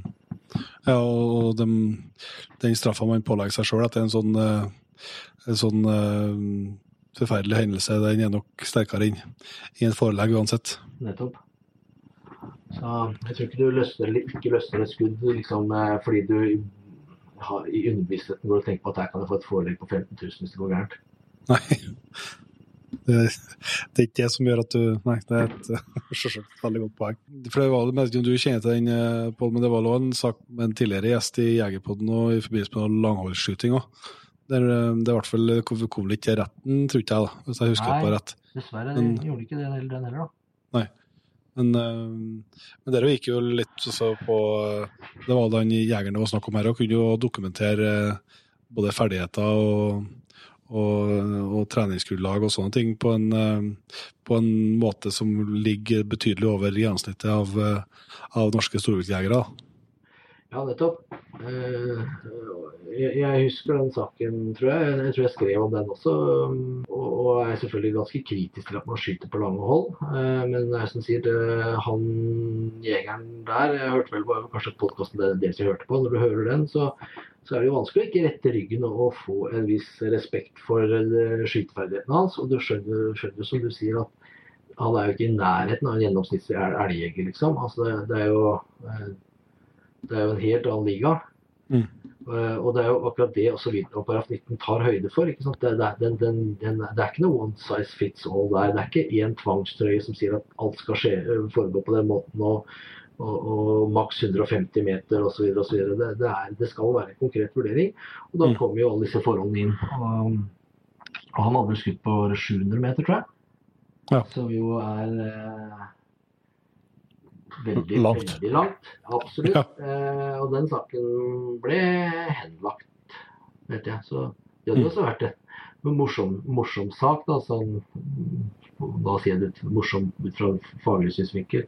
Akkurat som en lege syns det er morsomt å eh, operere en vanskelig, et vanskelig beinbrudd, liksom. Kanskje ikke pasienten som eh, ikke kan gå etterpå, men, men, men sånn, sånn ser vi det. Eller jeg i hvert fall. Så, Ja. Men, men eh, det, det fikk man jo ikke noen avklaring på. Men det er klart, når jeg skyter vilt på 700 meter, da skal du jo igjen som jeg da skal du virkelig vite hva du gjør, altså. Det er jo Mm. ikke mye som, mye som skal til da. Før, før eh, ting kan skje. Og når du skyter på litt lengre hold, så, så, så, så merker du liksom at det tar, bare, det tar jo faktisk litt flyvetid før, eh, før du trykker på avtrekkeren, eller fra du trykker på avtrekkeren til eh, kula treffer viltet. Nei, men det er jo, som det, det er jo for så vidt som du sier, altså en styrke med viltloven sånn som den framstår. Altså at den, eh, at den skal nettopp kunne ta, kunne ta høyde for det. At, uh, og det er jo, det, og det er jo for, for, for meg er det lett å på en måte forstå også at eh, eh, Jeg vet jo at det er skyttere som er langt, langt, langt bedre enn meg, og selvsagt kan de gjøre annen type skudd Mm. eh, enn hva som vil være forsvarlig for min del. Jeg kan jo ha flaks, jeg òg, Mm. men, men sjansen for at jeg ikke har den flaksen, er jo betydelig større. Mm. Sånn at, eh, så det er jo den der å minne seg på litt sjøl òg, som, som jeger, eh, å være ærlig med seg sjøl. Hvor går eh, grensa mi, og hva er jeg kapabel til, og tørs å, å være dønn ærlig med seg sjøl på det. Så er jo sjansen for at det ofte går bra eh, til stede, og så ikke blande opp det, det ærlige synet på seg sjøl med, med hva andre kan være kapabel til. Absolutt. Og ja. Den det Gjennomsnittlig eh, for oss det vil jo selvfølgelig helt opplagt gjøre, eh, gjøre et sånt skudd veldig uforsvarlig. Men, eh, men er, du, er du i den ekstreme andre enden, så, så vil det kunne stilles annerledes. Sannsynligvis er et skudd på 700 meter for meg det er ganske ufarlig, viltet, men, men det er definitivt eh, utsatt for fare. Ja, det, det kan du si. Det, men det er, det er jo på en måte farlig den måten, på den måten at du, du risikerer å, å råke, selvfølgelig. Men, men eh, Ja, ja. Det blir jo helt ekstremt. Ja, Eh, Men jeg må jo si at jeg syns ikke det er så veldig stas å se på enkelte videoer. Særlig amerikanere har jo litt sans for den type jakt i gåseøynene. Å ligge og skyte på, på dyr på langt hold. Og, og hvis du da faktisk ikke mestrer det og skadeskyter, så må jeg si det er passe usmakelig. Og den sjansen begynner etter hvert å bli ganske stor, da, hvis ikke du Mm. vet hva du gjør. Mm. Mm. Alle, liksom, allerede på 200 meter så, så begynner det å skje ting eh, med kulefall som, som, som du virkelig da bør, bør vite hva, hva du egentlig driver med. Mm. Eh, Og, og, og klart, og gjør du det, og, og vet du er i stand til å skyte fem skudd i en snusboks på, den, på det holdet, og vet at det er eksakt avstand sånn, så, så er det vel greit, det. Men uh, de fleste gjør det jo ikke. Nei. Ja, kulefall, kule, kulefall er jo én ting, og så har du jo, Vind. har du jo vind. Ja, ja, absolutt. Men det må du også ha kontroll på. Da. For jeg forutsatte at det ikke var så mye vind. Ja. du må også ha denne villreinjegeren. Men det er klart det, og En ting er jeg syns det er morsomt å skyte på blink på, på, og, på det holdet og testet der, men eh, et vilt så har du liksom ikke rom for å feilvurdere i noe særlig grad. Nei. Så du bør jo avstå fra det. Og jakt handler jo stort sett om å komme nærmere, men eh, det kan jo være grunner til at man velger å skyte på et langt hold. Mm. Mm. Og hvis viltet eh, får et forsvarlig skudd, så, så mener jeg på en måte jegeren også har bevist at dette bæsj kan. Mm. Mm. Det var utgangspunktet i hvert fall. En så en annen sak som har eh, Vi har snakka flere om Jegerpodden, da, men som eh, det kom eh, har vært ble avslutta, i hvert fall etter eh, vi prata, det var en, eh, med det her eh, hjortegeviret. Ja. Uh, vet ikke hvor inngående du kjenner den saken, du har skrevet om den i hvert fall, eh, Pål. Men det, det var altså eh, en, hjort, en stor kronhjort som ble felt, og så var det uenighet eh, hvem det var som skulle, hvem, hvem skulle eie retten til det trofeet, rett og slett. Mhm. ja, jeg kjenner den saken ganske godt òg. Jeg skriver om den, som du, sagt, så, som du sa. Fikk jo spørsmål om å ta ankesaken hvis det ble noe, for det ble jo bebuda på Facebook eller på sosiale medier. Men det kom ingen. Nei. Altså, det som skjedde der, det var jo at uh, det var et jaktlag som var på storviltjakt i, i Skjåk i eh, 2019. Eh, og så var det en eh, som hadde da en gråhund, en jeger eh, som slapp hunden. Og det ble ståløs, stålås, og, og alle de brukte også vihunt, så de kunne jo følge med på både, på det meste av det som skjedde, hele jaktlaget. Og da ville denne jegeren stille inn på losen, hunde, hundeeieren, hundeføreren. Og han skøyt og traff den hjorten, men, men den forsvant med bikkja etter. Og etter åtte minutter, var det vel, så stoppa hjorten igjen eh, for en på nytt. Og da hadde den gått eh, 1100 meter i luftlinje og omtrent 1500 meter i terrenget. Og da eh, spurte man på radioen hvem av de andre jegerne som var nærmest, og det var da en, en ny jeger, som vi da kan kanskje kalle B. Mm. Uh, og han fikk da beskjed om å gå mot den stålåsen, og kom på skuddehold. Og så da først lå, hjorten lå nede på bakken med hunden losende i nærheten. Og så trakk han seg tilbake og profilerte ved jaktleder. eh, Og eh, fikk da beskjed om å, å skyte. Og da reiste også hjorten seg og, og så ut til å ville løpe, sånn som han bedømte det. Og da skjøt jeger B eh, på hjorten, som skytter nummer to. Eh, 21 minutter etter at den var påskutt første gangen, og da døde jo hjorten. Og, og da er det jo da spørsmålet hvem er det som skal ha dette geviret, som var eh, sånn passe stort. Eh, og da hadde jaktlaget her i, i forkant bestemt at eh, det som gjaldt i en sånn situasjon, det var at eh, den som var det første, den som skøyt det dødelige skuddet, skulle ha geviret. Mm. Og jaktlederen tok opp det spørsmålet, og, og jeger A mente han hadde skutt et dødelig skudd. Eh, og gjorde krav på trofé. Og eh, jeger B hadde i hvert fall skutt et dø- dødelig skudd, det var alle enige om. Og da når de flådde dyret og mer eller mindre obduserte han nær sagt, så, så fant de jo eh, eh, ut, mente i hvert fall jaktlaget, eh, flertallet i jaktlaget, at det første skuddet ikke hadde truffet noen vitale organer. Mens B-skudd eh, var da et eh, godt lungetreff, og, og hans kule ble funnet bakerst i, i lunge. Eh, med blått på. En Barents eh, TT6 som jeg bruker sjøl. Eh, og da bestemte jaktlaget, i hvert fall flertallet, jeg tror broren til han som, som hadde skutt det første skuddet, og, og han, de, de var eller broren eller et eller annet, slektskap, mente, mente at han skulle få det, men flertallet mente at jeger B skulle få geviret, at han skulle skutt det dødelige skuddet. Mm. Og De aksepterer da ikke denne første jegeren som har bikkja, og bringer saken inn for tingretten. Og um, da er det jo egentlig tingretten som tar stilling til det samme. Eh, hvem som har skutt et dødelig skudd. Og tingretten kommer da til det samme som jaktlaget, flertallet for jaktlaget. Om at eh, det første skuddet ikke var dødelig. Eh, og at det bare hadde gått gjennom bogen foran på dyret og, og mot eh, venstre og, og gitt kjøttskader. Mens B-skudd hadde jo da gått i lunge, og det var på en måte alle enige om. Mm. Og, og retten viste da til en sånn NINA-rapport også, hvor, hvor, det, hvor det framgikk at elg som lever lenger enn 30 sekunder, bør regnes som skadeskutt, uavhengig av hvor den gjenfinnes. Eh, eh, og, eh, og i den rapporten så er det vel også lagt til grunn at eh, en elg da maksimalt har beveget seg 300 meter. Mm. Eh, så, så retten var da enig med jaktlaget, og, og, og ga jo da jeger gevir til jeger B, og, og jeger A tapte da med sakskostnader. Og så ble det jo masse medieomtale og ståhei i sosiale medier, og, og som vanlig så, så ble jo faktum litt sånn slumsete gjengitt der, og man pynte kanskje litt på den historien i noen sammenhenger, og, men saken ble heller ikke anka. Så, så det, den ble stående. og etter min mening, men med, med, god grunn. Og, og dommen fra tingretten er grundig og riktig, sånn som jeg ser det. Men da, det, det tingretten tar stilling til, ja, det er rett og slett eh, altså Da legger de til grunn den avtalen som jaktlaget hadde om første dødelig skudd. Nettopp.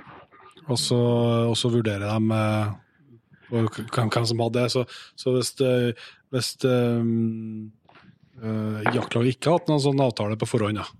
hvis det ikke har avklart sånne ting på forhånd, mm. så, så hvordan så, hadde, hadde, hadde da hadde de måttet vurdert det annerledes, da, eller så hadde de liksom, hadde kunnet komme opp med en sånn sak? Da, eller, så, eller hva kreves på en måte fra et jaktlags eh, ståsted for å være sikker på at man slipper å ha en sånn, jakt, en sånn restrunde i jaktlaget sitt? Mhm.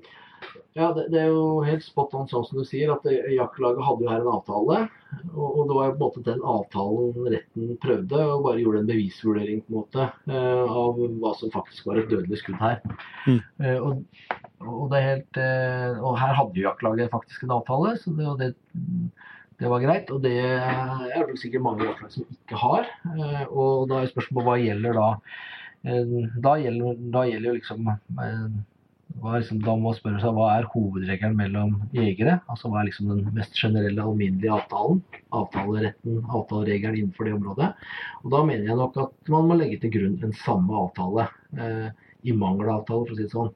Men, Mm. men, men det, er jo, det er jo ikke veien for å, å avtale jaktlaget at det er den som først eh, råker elgen som skal ha hornet. Eh, eh, men det er jo en elendig avtale, vil jeg mene. Men, men avtalemessig er det jo, er det jo avtalefrihet. så så et kan jo i prinsippet ha den regelen, men, Ja. men man har jo ikke det, og det er jo en grunn til det. Og det er fordi man ikke ønsker at man skal, eh, som vi snakker litt om i Viltloven § 19, altså hive av et skudd, et dårlig skudd, bare for å måte, lage høl i dyr eller sikre seg et eller annet. Altså det, det var kanskje sånn man tenkte for 50 år siden, for når, når kjøttet var det som betydde mest. Mm. Men i dag er jo det forkastelig jegeretikk. Ja. Så, så, og det gjelder jo generelt både i Norge og Sverige at, eh, at f.eks. for eksempel, vil tippe i de fleste eh, vestlige land i hvert fall, at det er den første dødelige, forsvarlig dødelige skuddet som, eh, som styrer hvem som skal ha geviret. Jeg tenker Du gjør det veldig enkelt for deg sjøl som jaktleder. altså Bare å si at eh, det, altså, enten så ligger dyret på, på stedet vårt påskutt, eller så er det den første som har, har treff i hjerte og lunger, som får det. For da slipper du i hvert fall et tvilstilfelle.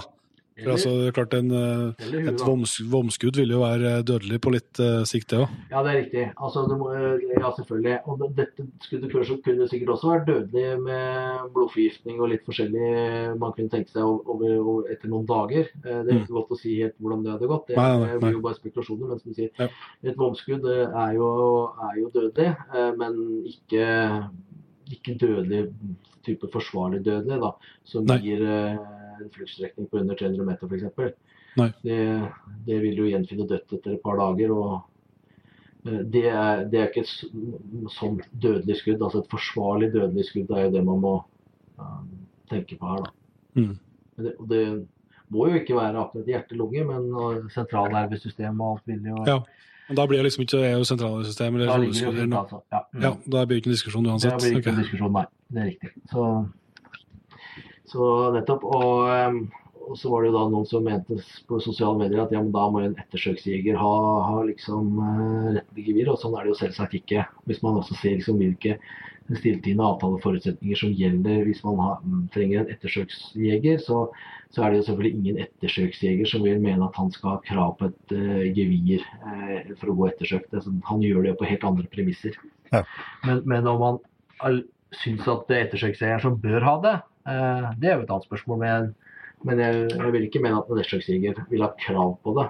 Eh, Nei, men altså, den første førsteskytter kan si at det her geværet geværet ønsker ikke jeg, det kan du få. Ja, det, det, det vil han selvfølgelig kunne si, og det, det burde han kunne si. Og så får det være opp til ettersøksjegeren hva han tenker. Jeg, Ja. For min del hadde ikke Ja, det- ja, det er jo ikke godt å si. Det, det, det blir jo et lite jaktminne, men, men, eh, men jeg ville som ettersøksjeger i hvert fall aldri krevd det. Uansett tror jeg hva, hva slags hvor dårlig etter førsteskudd er. Og det, det også er litt mer sånn overordna hensyn at det skal, skal alltid være lett å ringe til en ettersøksjeger, sånn som jeg tenker. Og, Ja. og du skal ikke risikere å komme noen diskusjon med han om eh, verken kjøtt eller vilt. Nei. Han gjør det kun av én grunn, og det er å korte ned lidelsene til viltet. Mm. Så det tror jeg ingen skal være, i hvert fall være redd for, at eh, en ettersøksjeger skal stikke av med noe gevir. Men om han får det som en hyggelig gest, det, det får jo være opp til jegeren. Det er jo en eh, fin overgang her til et annet tema jeg tenkte vi skulle innom eh, med deg på når vi først har fått uh, satt av litt tid til deg. Dere, jeg vet jo at du er aktiv ettersøksjeger sjøl, og at du har et, uh, et stort engasjement for det, for det fagfeltet. Og du hadde jo Det er liksom det som er du bruker det, det, det to hundene du har, de er et ettersøk eh, det som er grunnen til at du har dem, skal jeg si. Ja, det, det er riktig. Det er rene ettersøkshunder eh, for min min del, ja. Og Ja. Der peker du jo på noe spennende, ikke sant. For i Norge så er, vet vi ikke engang forskjell på jakthunder og ettersøkshunder. Nei. Nei. I Norge tror vi jo at alle jakthunder er mer eller mindre ettersøkshunder, og det, det vet jo de fleste som driver med ettersøk at det er en vanskelig kombinasjon. Ja. For det handler jo egentlig, egentlig om å drive, bruke hunden din på henholdsvis kald- kalde og varme spor. Og en ettersøkshund skal jo egentlig ikke være interessert i varme spor. Altså friske dyr. Nei. Nei. Eh, Men eh, det er jo ikke så mange ettersøkshunder på den, som blir brukt eh, på den måten i Norge. Så, så det er jo liksom den første utfordringen, syns jeg. Og at man har da et latterlig antall godkjente ettersøkshunder som, hvor bare noen få prosent kanskje egentlig er verdt å kalle en ettersøkshund.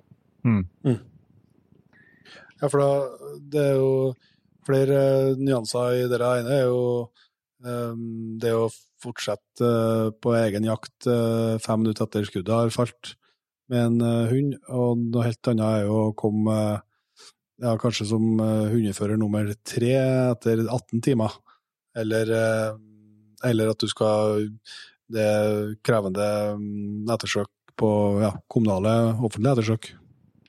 Absolutt. Eh, Det er jo stor forskjell på det. Og det er klart den første situasjonen hvor du er rett i hasene på et eh, dyr som blir skada, så er det å ha hunden en enklere jobb, og, det blir jo en sånn fin eh, hva skal jeg si, overgang mellom, eh, et, mellom å være jakthund og ettersøkshund. Mm. Men uh, i en annen situasjon så, så stilles det helt andre krav. og uh, vel, og Hvis man da har en hund som går av sporet, eh, det kalde sporet fordi det er et varmt og mer spennende spor, som jo enhver fornuftig jakthund vil gjøre uh, lett, det, det er jo uheldig. ikke sant? Det er jo ikke det du ønsker.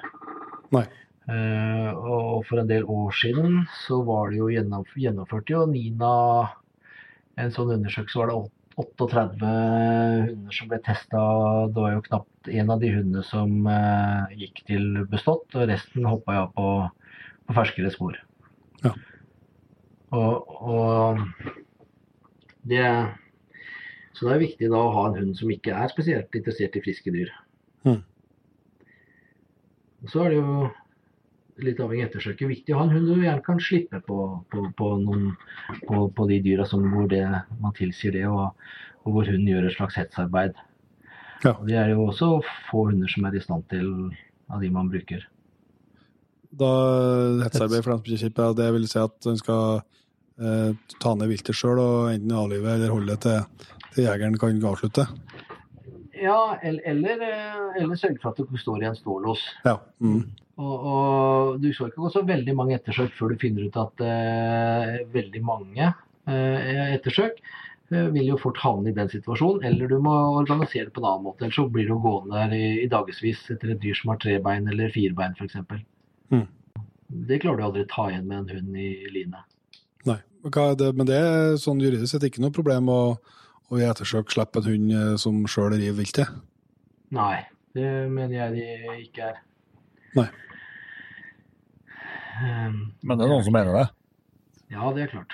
Ja. Eh, Det er alltid noen som mener det. og NJ NJFF mente det, tror jeg, men jeg tror de har gitt seg på det nå. Men, Ja. eh, Og det er jo da under det gamle slagordet om at, eh, at liksom det er jaktreglene som gjelder på ettersøk. Og det er jo, det er jo så håpløst at man kan jo få lyst til å skrike av det.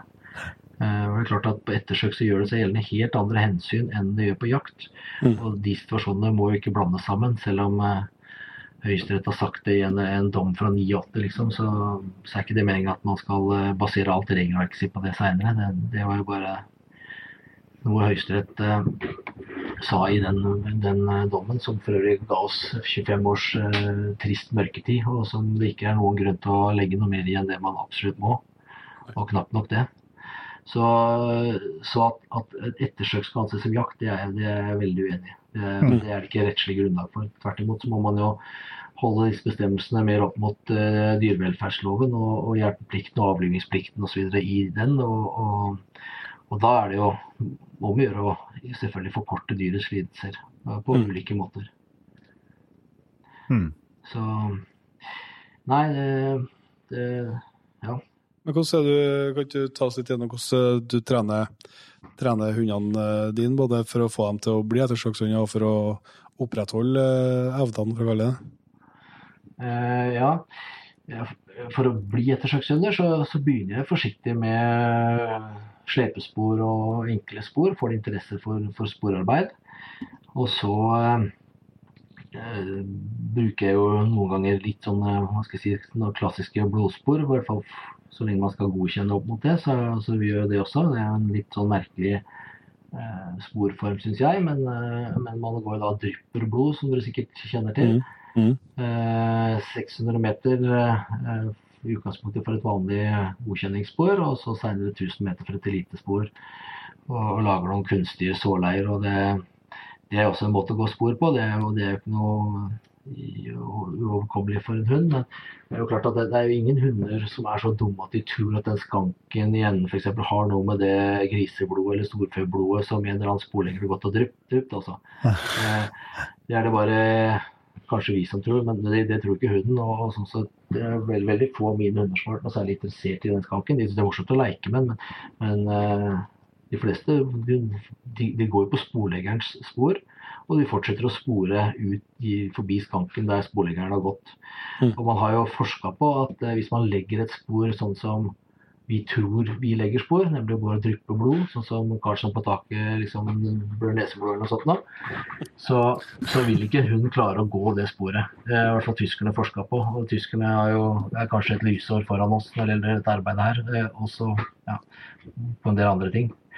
De har jo ganske bra tendens til å sette ting i system og forske og ikke bare tro og synse på alt mulig rart.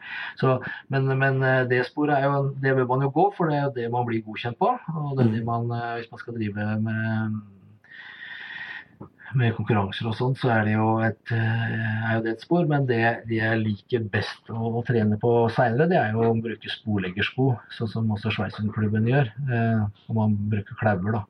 Ja. Og eventuelt litt blod. Det tror jeg er det mest realistiske spor man kan ha. Ellers så kan man jo i prinsippet spore med hva som helst, og, slepespor fungerer bra. Bare dra en skinnbit for den del. Eh, Eh, vel så bra det som mye annet, og enklere. Mm. Så det, det, og det er ikke så dumt å trene på den gang iblant. Ellers så prøver jeg å gå mye Bruker jeg hunden mye på dødsøk. Det er veldig lav terskel for å ta ut hunden. For hun er mye flinkere enn meg, så, så fort, fort vekk så er det litt mørkt. Og da er det jo mye greier å bare gå på med hunden med en gang, og så vite hvor dette dyret var hen, selv om det bare ligger 50 meter eller 150 meter inn i skogen. Og det er jo fort vekk langt nok når det er mørkt. Eh, Mm. Så, og det, det tror jeg også er bra trening for hunden, for det er jo volum som, som teller for å få den her til, selvfølgelig. Eh, man må gå mye ettersøk så hunden forstår hva det her handler om, og hva det ikke handler om. Så sånn som eksempel nå når du er på, på skadefelling på hjort i Sverige, så, og du får et eh, fra, fra, fra skuddsted og bort til der hjorten ligger, så tar du gjerne ut hunden for for å gå det søket, selv om du nærmest så hvor den datt hen. da. Ja, Ja. det stemmer det. Det er jo på det... forsvinner inn i skogen, så gjør jeg Ja. det. Og, hvor- hvorfor skal jeg på en måte ikke gjøre det, kan du si. Eh, Jeg har jo stort sett hunden veldig nært, og om ikke annet så må hun ut og lufte seg litt. Og hun syns det er morsomt å få være med og tror hun at det er hun som har gjort hele jobben nå. Ja. Så jeg gjør det, jeg gjør det stort sett, ja. Senest i helga som var, på, på et par dyr. Ja. Og- Ja, og da, får du, og da har du jo et, i tillegg et, et kløvspor med, med, med blod i, der det ikke finnes lukt av Nettopp. sporlegger. Ja, ja, ja. Og, og på, et av de, et av de dyra gikk jeg, hadde med en annen jeger der, og så skytter jeg var ganske sikker på at jeg hadde, var jeg som hadde skutt, at det var et bra skudd på 150 meter, så, men det forsvant inn i skogen, og det begynte å, å mørkne. Og bikkja gjør en kjempefin jobb og søker på den jordekanten der det hadde stått. Og, og eh, plutselig så skal vi inn i skogen, og hun står på to bein og kikker litt inn der òg. Eh, og så går vi inn der, så sier jeg liksom til han som går, jeg ser, jeg ser ikke noe blod, så jeg så, så ikke noe på, på skuddstedet. Og så går vi da hjem, jo da, han, han så blod, men ikke ned på bakken som jeg så det, men liksom oppi et bringebærkratt, da ganske høyt opp. Ja. Så skjønte jo at de var, var på sporet, og det var jo, var jo bare noen få meter inni der dyret lå også. Ja. Men det er jo veldig, det er til veldig stor hjelp å ha en sånn hund. Mm. For det, som sagt, vi så jo ikke noe blod før bikkja markerte det inn i, inn i skogen, og da var det på en bringebærbusk. Egentlig ikke der jeg kikka, det burde jeg selvfølgelig gjort. og begynte å bli mørkt. og hadde selvfølgelig hodelykt, da. Men skal du følge veilederen til eh, direktoratet, da, så skal du ikke bruke lys da heller. ikke sant? Du skal, ikke, du skal først gå og rote til sporet i fluktretningen eh, uten lys, og så til det er et ettersøk. Ja?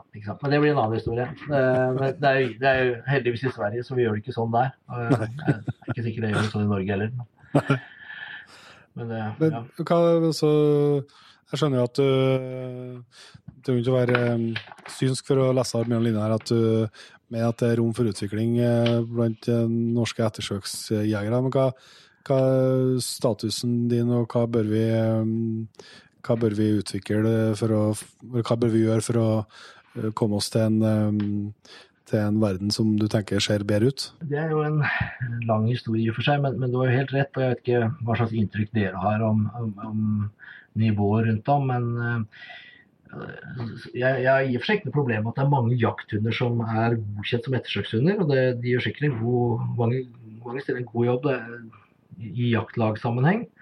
Men det jeg syns er mest betenkelig, er jo på en måte alt det dårlige offentlige arbeidet som blir gjort eh, på trafikkpåkjørsler og um, ja, hvor kommunen har ansvaret, eh, og, og hvor det offentlige sover i timen, etter mitt syn.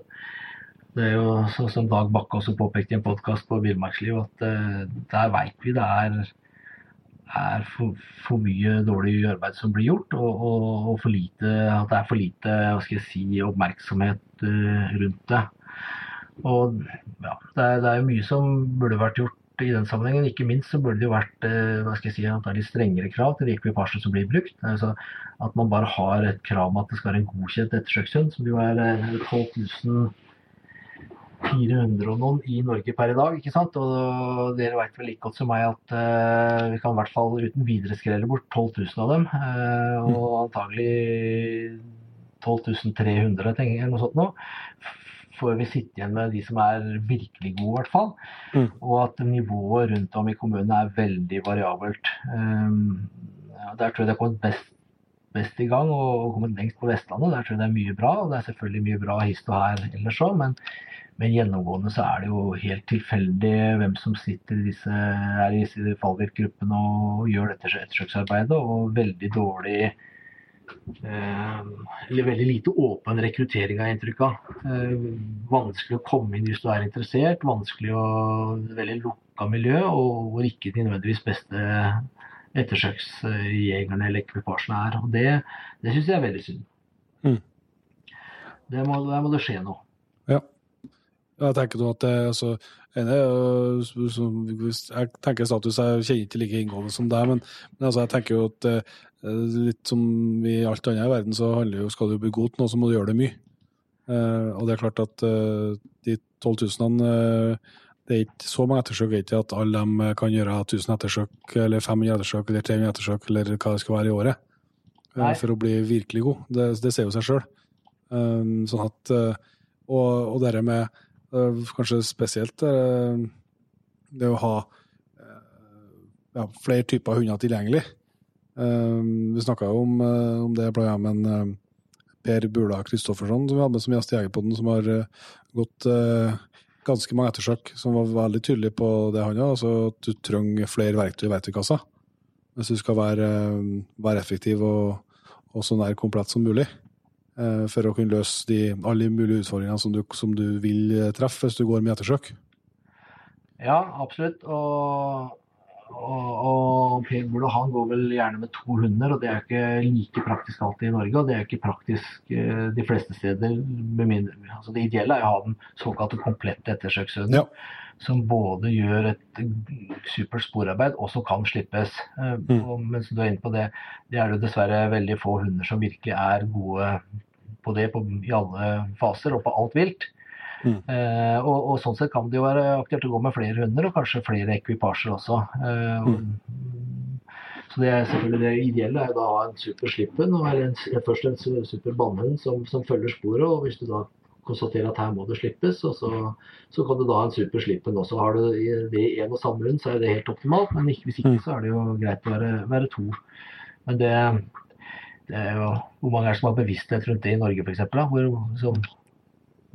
Når man går rå- rådyrettersøk i rundt om, hvor mange har, er det som har en hund som kan slippes? Ja, og det, altså, det, det er jo ene, så det, det, det, det humane er selvsagt det er jo kanskje det aller viktigste, men så eller ja, Det er vanskelig å se hva som er viktigst, da, men, men det er jo noe sikkerhetsmessig. Jo. Eh, Og Det har man jo sett noen eksempler på, så med, spesielt kanskje knyttet til, til, til rådyr, sånn som er, kan være i mye kulturlands, kulturlandskap og tettbefolka områder og sånn. Mm -hmm.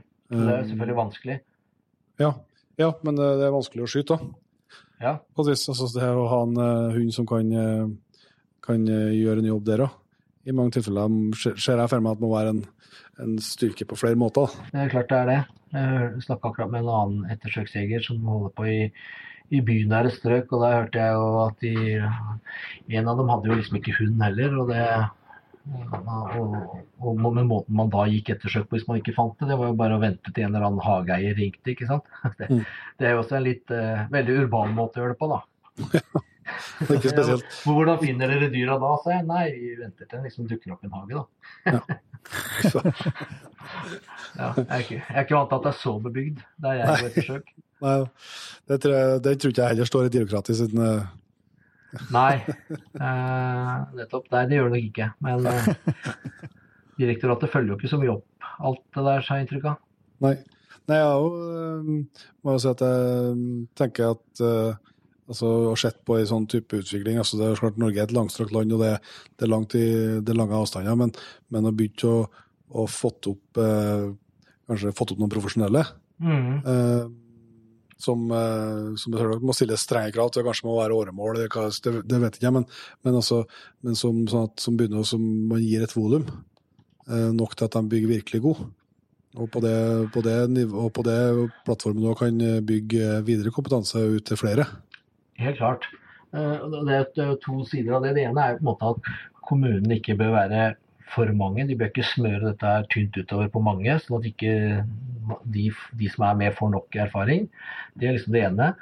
Og så bør man jo kanskje også på et litt overordna nivå ha eh, noen mer eller mindre profesjonelle ekvipasjer som man kan støtte seg på, da, som er virkelig gode. Kanskje Mm. på et fylkesnivå eller et eller annet sånt. Da. Mm. Men Jeg er jo litt også i tvil om egentlig det er optimalt at kommunen styrer dette. her, eh, man ser jo at kommunene ikke har tilstrekkelig viltfaglig kompetanse i mange sammenhenger. Mm. Det er selvfølgelig noen hederlige unntak derfra, med noen supre viltforvaltere som gjør en kjempejobb. Men ofte så sitter jo en og har dette som litt venstrehåndsarbeid, får man inntrykk av, med Ja. uten viltfaglig kompetanse i det hele tatt. Og hvor man da lett lar bare en eller annen eh, styre hva skal jeg si, butikken. Eh, og så blir det jo så som så. Um, Mm. så, så jeg tror jo altså danskene som har da et sentralt register med ja, 170, noen og 70 godkjente sveishundførere eh, i hele Danmark, og, og som er sentralt styrt, jeg tror kanskje det hadde vært en bedre modell. Og så går selvfølgelig på områder men, eh, men, eh, og i kommuner, men, men det ligger ikke under kommunen. Det ligger under der, er vel Naturstyrelsen etter vel der nede. Mm. Så jeg tror ikke vi har noe helt optimal løsning i Norge. Eller jeg er veldig sikker på det, faktisk. Ja. store, Ja. store rom for forbedringer. Det er store eh, rom for forbedringer. Og, Og, Ja. og som sagt, jeg syns nok ikke jakt, eh, jakthund og et, ettersøkshund er det store problemet. Jeg syns det er det, det offentlige som burde ta seg sjøl i nakken først. Og det er jo et tankekors at eh, vi vel fikk krav om ettersøkshund for jegere i 94 eller noe sånt. Eh, mens for det offentlige i 2016, ikke sant. Mm. Og fortsatt så sliter de jo sjøl med å gjennomføre det, som jeg sier. Altså hvis du går rundt, virkelig løfter av dyna rundt om, så vil du jo se at det er kommuner som fortsatt ikke har ettersøksjegere. Ja. Og fortsatt kommuner som har eh, eh, ikke godkjente ekvipasjer, og som ikke bruker nødvendigvis godkjente ekvipasjer osv. Det, det er sikkert mange måter å organisere det på, og og mange steder er det sikkert fornuftig å ha hva skal jeg si, en rein sånn renovasjonsfallviltgruppe også, men, men du må jo ha tilgang til noen godkjente ettersøkshunder. Ja. Mm. Og jeg er jo veldig, veldig kritisk til at noen på en måte kan gå og vurdere om det er eh, skade eller ikke skade uten å ha en hund. Tilbake til det vi snakka om i stad. Altså det, Ja. eh, ja, det er, jeg klarer det i hvert fall ikke. Og jeg, Nei. jeg tror ikke det er så veldig mange andre som klarer det heller. Så det er klart, selv om du ikke ser et dyr i nærheten, og kanskje ikke ser hår engang, så vet du at det er mange dyr som, som blir skada uten at du ser blod. Ja. Mm. Eh, og hunden lukter jo med en gang. I hvert fall en god ettersøkshund. Ja. Og da er vi litt tilbake til, til en jakthund og en ettersøkshund nå. Og, når du da gjør et kontrollsøk, så vil jo en, en god ettersøkshund vil jo fatte interesse hvis det er et skada dyr, og den vil være ganske uengasjert hvis det er et ikke-skada dyr. Mm. Det er jo sånn du gjør et kontrollsøk også hvis du lurer på om en jeger har bomskutt. ikke sant? Da har kanskje skutt på en flokk mot en hjort eller, eller villsvin. Og en ideell ettersøkshund da vil jo på en måte markere om det er en, en av disse som er skada eller ikke. Ikke minst så vil den gå opp det rette dyret som er skada, ikke en av de som er uskada. Mm. Det, det klarer du ikke uten hund. Det er klart hvis du ser og så sånn at ikke du ser at det er blod, det sier, jo, det, det sier jo ikke noe egentlig om at dette dyret er skadd eller ikke. Det har, har du sikkert erfart sjøl også mange ganger. Mm. Er det en um, et, uh, det er, som du sier, det er et lang historie og et stort tema, så, men det er i hvert fall uh, interessant å høre um, dine tanker omkring og jeg tror både vi og, og mange, mange med også kan ja, stille seg litt de samme spørsmålene. Eh, og det er jo det også, så er det fort at, det, det fort at liksom sånne ting misforstås, fordi at eh, noen kanskje føler det på, på kroppen, eller, eh, eller syns at eh, man er hard i klypa, eller hva det skulle være. Altså, Og det er, jo, det, er jo, det er jo ikke fordi at man skal ønske å henge ut noen, eller man sier at du ikke er flink nok, eller du ikke er flink nok. Det er jo ikke det som er poenget, men poenget er jo, i hvert fall i mitt hode, så handler, handler det jo også om eh, eh, at skal du liksom være eh, god nok, så, så kreves det et, eh, et visst volum som de aller færreste har tilgang til, og det kreves eh, et sett med, med egenskaper på hundene som, som også kanskje de færreste har tilgang til. Og Det kommer jo tilbake til kravene som blir satt. Klart Hvis kravene som ble satt, har blitt helt annerledes, så, så hadde man måttet hatt en helt, helt annen tilnærming og, uh, for å, for å kunne, kunne utføre de ettersøkene. Og, det er klart at det å ikke være bedre, det, det er jo en ærlig sak. Og, og, men du skal ikke gå så veldig mange ettersøk før du finner ut at altså, dette er jo virkelig et fag du aldri blir utlært i. Mm. Og, og, liksom ikke akseptere at man bør måtte strebe etter å bli enda bedre. Det er jo det som er uh, uakseptabelt, syns jeg. Mm. Altså, og er, Har man de beste man har uh, i den- den kommunen ellers, så er, det jo, så er det jo utmerket, det. Da har man jo det. Men, men det, mye av problemet rundt om, tror jeg, er jo at det er uh, veldig lukka miljøer. At man gjør ikke nok for å få til de beste heller, og til og med ekskluderer mange. Det er veldig inntrykk at det er ganske vanskelig bare å finne ut hvem som er i denne gruppa, og hvordan man skal komme inn. Eh, og dette er eh, kjennskap og vennskap og gutteklubben greier mange steder, dessverre. altså. Ja, og sikkert og, og mange tilfeller tror jeg rundt om at eh, noen har hatt en fantastisk bra hund eh, en gang. Eh, og så har kanskje ikke eh, hund nummer to og tre eh, de samme evnene. Um, og så må det altså opprettholdes posisjon, da. Ja, Ja, og man, og man ofte sitter på den posisjonen fram til, fram til man eh, Avgår med krigsperson. Ja, altså det man, man, man avgår for at man ikke tar seg fram i skogen lenger. Og knapt nok da. Ja. Mm. Da, Ja, da, er folk da. som da er det jo folk som fortsetter på kontoret. ikke sant? Altså Hjemme de sitter bare og organiserer andre og ringer rundt og Ja. sitter de fortsatt og holder dette her. Dessverre. Eh, og- da er jo, det, er, det, er, jo én side av det. og da, da blir det jo veldig vanskelig å få inn gode folk. Og det blir jo vanskelig å få folk til å gidde å bruke tid på hund. Eh, for du veit at denne sjansen det kommer jo ikke inn uansett hva jeg gjør. Da, da, da blir det en litt ond spiral, da.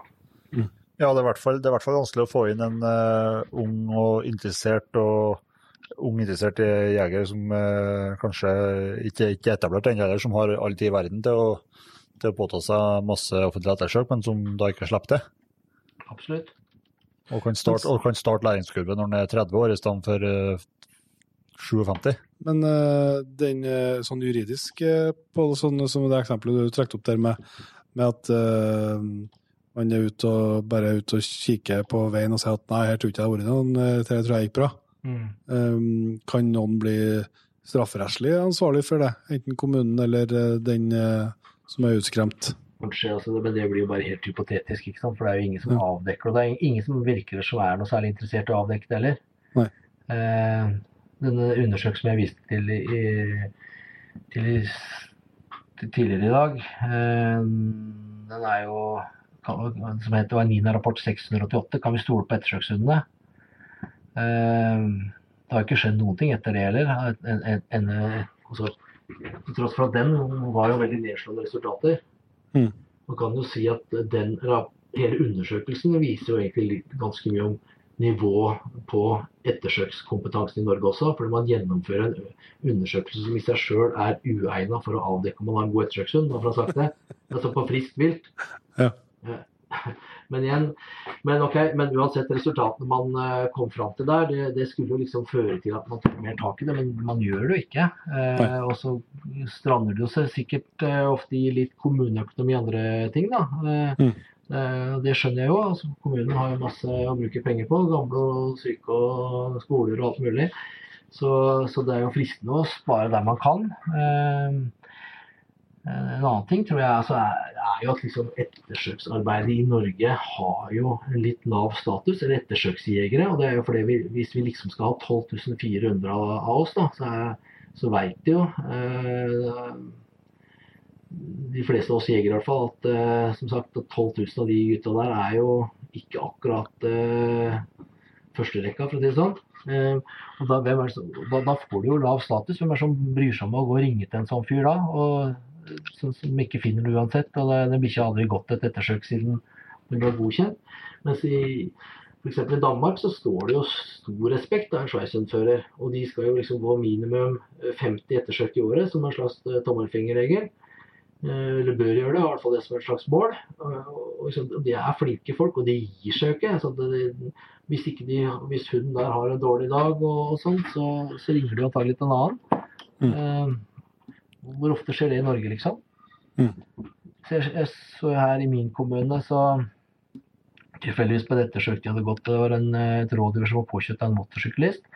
de hadde gått eh, De hadde klart å, og Han ble kjørt til sykehuset, og det lå jo hår i veien. og De hadde klart å følge det rådyret 500 meter bare. Det er jo ikke kjempeimponerende. Det er jo egentlig ikke så du får godkjent ferskvår- ferskvårprøven din i, i dag. Eh, og det, men det er jo i og for seg greit nok. Eh, Elgbikkje for øvrig. Men eh, alle hunder og ekvipasjer kan jo ha en dårlig dag. Det kan være forklaring på det. Men så da tenker jeg, så hvorfor for- kaller man ikke da hund, ut hund nummer to? Eh, Når du leser sånn, så kan man jo lure på hvorfor man ikke prøver å sette på en ny hund. Mm. Eh, hvis den ene hunden har en litt dårlig dag. Og, og sånt, noe, for det var jo mye som tilsa da at denne Man burde i hvert fall gått det sporet lenger enn eh, 500 meter, Ja. tenker jeg. Ja, altså det, og det er jo litt som vi snakka om eh, med skytinga i stad. så det, det, det er jo det å være tørs å være ærlig med seg sjøl. Ja. virkelig liksom er, er, er jeg god nok, og er hun god nok, og er den jobben vi har gjort nå, god nok? Nettopp. Og hvis du kjenner vi ja, det er det, dette tror jeg er så bra som mulig å få til, så, så er det bra. Men hvis eh, du kjenner at kanskje er noe som gnager og sier at dette var kanskje ikke helt i vår beste form, så er det ikke noe skap i å, som du sier, ringe til noen annen. Og Nei. få en runde, prøve en runde til. Det er jo verste som skjer, er jo bare at det blir fortsatt friskmeldt. Det blir jo ikke, det blir ikke noe verre enn det. Det er sant. Det er helt sant. Men jeg ser eh, Pål, at eh, vi har allerede begynt å gått over den eh, tilmålte tiden her, så nå skjønner jeg at det blir ekstra fart på takstameteret, så det må vi, og da skal vi etter hvert begynne å, begynne å gå inn for landing. Men det har vært veldig interessant å, å prate med igjen, og det tror jeg vi, vi er nødt til å gjøre i flere runder, for det er jo stadig utvikling i, i ditt fagfelt. og og vi kan i hvert fall si det for Jegerpoden sin del, at det er vel ikke et så stort fagmiljø som følger med på jaktjussen, da, men du og Du gjør nå i hvert fall eh, det, og det setter nå vi stor pris på. Det tror jeg det er mange flere som som også gjør, for det er noe eh, Vi er jo ikke så mange i landet her som, som jakter. Så at eh, det er viktig at vi har noen eh, skarpe hoder som kan eh, hjelpe oss både å forstå og, og kanskje å vurdere hva vi skal jobbe for og utvikle det videre når det kommer til, til det juridiske her. Mhm. Ja, nei, det, det er sant. Det er, jo, det er jo dessverre et litt lite fagmiljø. Jeg skulle gjerne ønske at det var litt større sjøl. Det er jo litt tilfeldigheter som gjorde at eh, jeg har fått alle disse sakene også. Det er jo bare fordi jeg er jeger sjøl. Det er jo ikke det det er ikke det jeg egentlig lever av. Nei. Men eh, jeg syns jo det er artig eh, å drive litt med det. Ja. Mm. Så det satte vi, satte vi stor pris på. Men eh, vi skal som sagt eh, runde av. eh, men vi har jo en litt eh, fast eh, post helt på tampen her som vi må se og vurdere av utviklinga i siden sist, Pål. eh, så vi må ta det litt på, på kjappen her. Men hvis du skal trekke fram noe jaktutstyr du har fått prøvd i senere tida, er det noe som har festa seg ved deg, som du har blitt fornøyd med? Um, siste tida? Nei, jeg, jeg er jo blitt så gammel og bitter at jeg syns ikke det er noe nytt og spennende som kommer. Eh, så det er jo ikke noe helt eh, jeg, Nei, og jeg er glad i egentlig det utstyret mitt som fungerer, og glad i å bruke det og kjenne det. Altså, det er ikke så mye nytt, syns jeg. Eh, Jeg har en gammel kikkert og en gammel børse. og Det er mulig jeg skal oppgradere blaseren etter hvert, men for nå begynte løpet å bli litt uh, tynnslitt innvendig, sa børsmakeren. Det begynte å at uh, ja, den 270 som jeg skyter mest med, den er jo ganske hissig også, sånn, eh, så det sliter vel litt løp. Men eh, det er ikke så mye jaktutstyr jeg egentlig eh, savner, eller jeg er veldig fornøyd med det jeg har. Mm. Og det bruker jeg jevnt og trutt og holder koken. Eh, skal vel innrømme at termisk håndholdt, det er, det er jo noe man Når man begynner å bruke det, så er det jo et, helt klart et supert hjelpemiddel på lik linje med en kikkert som du ikke har lyst til å legge bort. Mm. Den, eh, den er Hva du- også bra. Hva du har du landa på for noe merke der, da? Eh, nei, jeg har vel egentlig ikke landa på noe spesielt merke. Jeg har fått prøvd litt forskjellig. Nå det er ikke noe avansert eller noe dyr eller noe den, altså. Jeg, jeg har ikke lagt mye penger i den. Men, Nei. men jeg syns det er veldig greit å kunne se om, om det er noe eh, her eller der. Mm. Jeg ser ikke så mye detaljer, men eh, eller jeg er ikke veldig opptatt av å bruke masse penger for å se detaljer, mener jeg. Nei, nei. Og jeg bruker ikke så veldig mye som siktemiddel. Jeg har så vidt prøvd det også. Noe Limke annet. Som, eh, det er klart det er bra saker, altså. Ja. Eh, og det, det du også ser der, det er jo faktisk det er veldig lett å se treffet. Eh, for du ser jo at du, Du ser jo rett og slett blodet. Ja. Mm. Og du, ofte så kan du, du filmer jo med det òg, ikke sant. Altså, Ja. Så du kan spole etterpå. om Du, det er jo faktisk en fordel. Jeg har gått ettersøk etter sånt vilt, hvor du ser at det er bukskudd, og hvor, eh, hvor det kommer ting ut av buken. ikke sant? Og ser og, og veit jo da ganske tidlig at her blir det et, et krevende ettersøk og antagelig et løsehundarbeid. Ja. Ta et eksempel. Ellers er jo God kikkert er jo alltid viktig å ha. Jeg er glad i eh, lyddemper og elektronisk hørselvern. Jeg har jo skutt eh, enormt mye siden jeg, var, eh, siden jeg kunne gå, og har jo fortsatt god hørsel. Og det, det er det ikke alle andre rundt meg som har, for å si det sånn. Eh, Det er fordi jeg er flink til å passe på den. Ja, ja. Så Jeg bruker Sordin, disse hørsel, hørselverna, elektroniske aktive hørselverna med gelputter så mye jeg kan. Og det er supert, syns jeg. Og selvfølgelig lyddemper. Og Mm. Det er til meg og bikkja. Og det er fantastiske hjelpemidler. Det er også tilfeldigheter som gjorde at Netten ble forbudt eh, for noen år siden, og det skal vi jo virkelig være glad for. Og, og der har jo svenskene brukt litt tid på å komme etter oss. Ellers må man jo prøve å bruke utstyret sitt så mye som eh, mulig og, og reparere det. Det er jeg glad i. Jeg såler om lundagsstøvla mine og ja, jeg er opptatt av å stoppe ullundertøyet og ikke kjøpe mye nytt skrot. Nei. Og som dere kanskje skal spørre meg om etterpå, eller eh, bør spørre meg om jeg har noen jegertips, eh, så, Ja. så er jo det nettopp å ha mest mulig dritt og lort. Og kunne bruke det du har. Altså jeg ser jo det, jeg, jakter med mye forskjellige folk.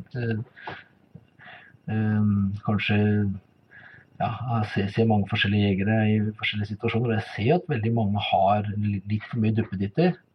Eh, Og det er klart det er veldig mye bra, alt fra skytestøtter til varmeposer og ditt og datt. Men jo mer du har på deg forstyrrer deg, jo mindre oppmerksom blir du også som jeger. Og det, det går jo på bekostning av hvor effektiv og god jeger du blir. Mm.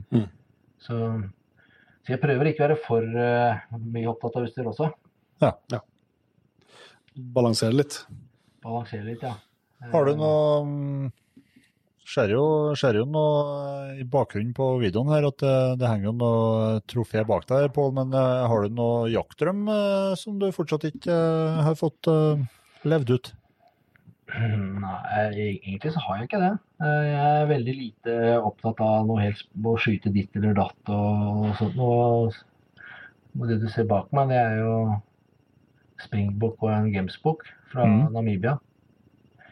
Og, og det syns jeg var fantastisk å jakte der nede. Eh, I Sør-Afrika, særlig Namibia og Botswana. Jeg er ikke så glad i Sør-Afrika. Jeg synes det blir er det jo veldig industrialisert og litt for mye folk og litt for lite vilt og litt for mye gjerder og litt for mye um, kommersielt. Men, men å jakte med, liksom, med bønder og boer og ikke minst svarte som er fantastiske jegere der nede, det er, det er, eh, det er super opplevelse. Det, det får ikke jeg i og for seg nok av. Det er mange som, som spurte meg, det har vært mange turer der nede, liksom, har ikke du skutt det før, har ikke du gjort det før? Jo, det har jeg absolutt gjort. Skutt mange før. Og, men det er jo ingen som spør en elgjeger om det samme, liksom. Altså, du på elgjakt i år, har ikke du skutt elg før?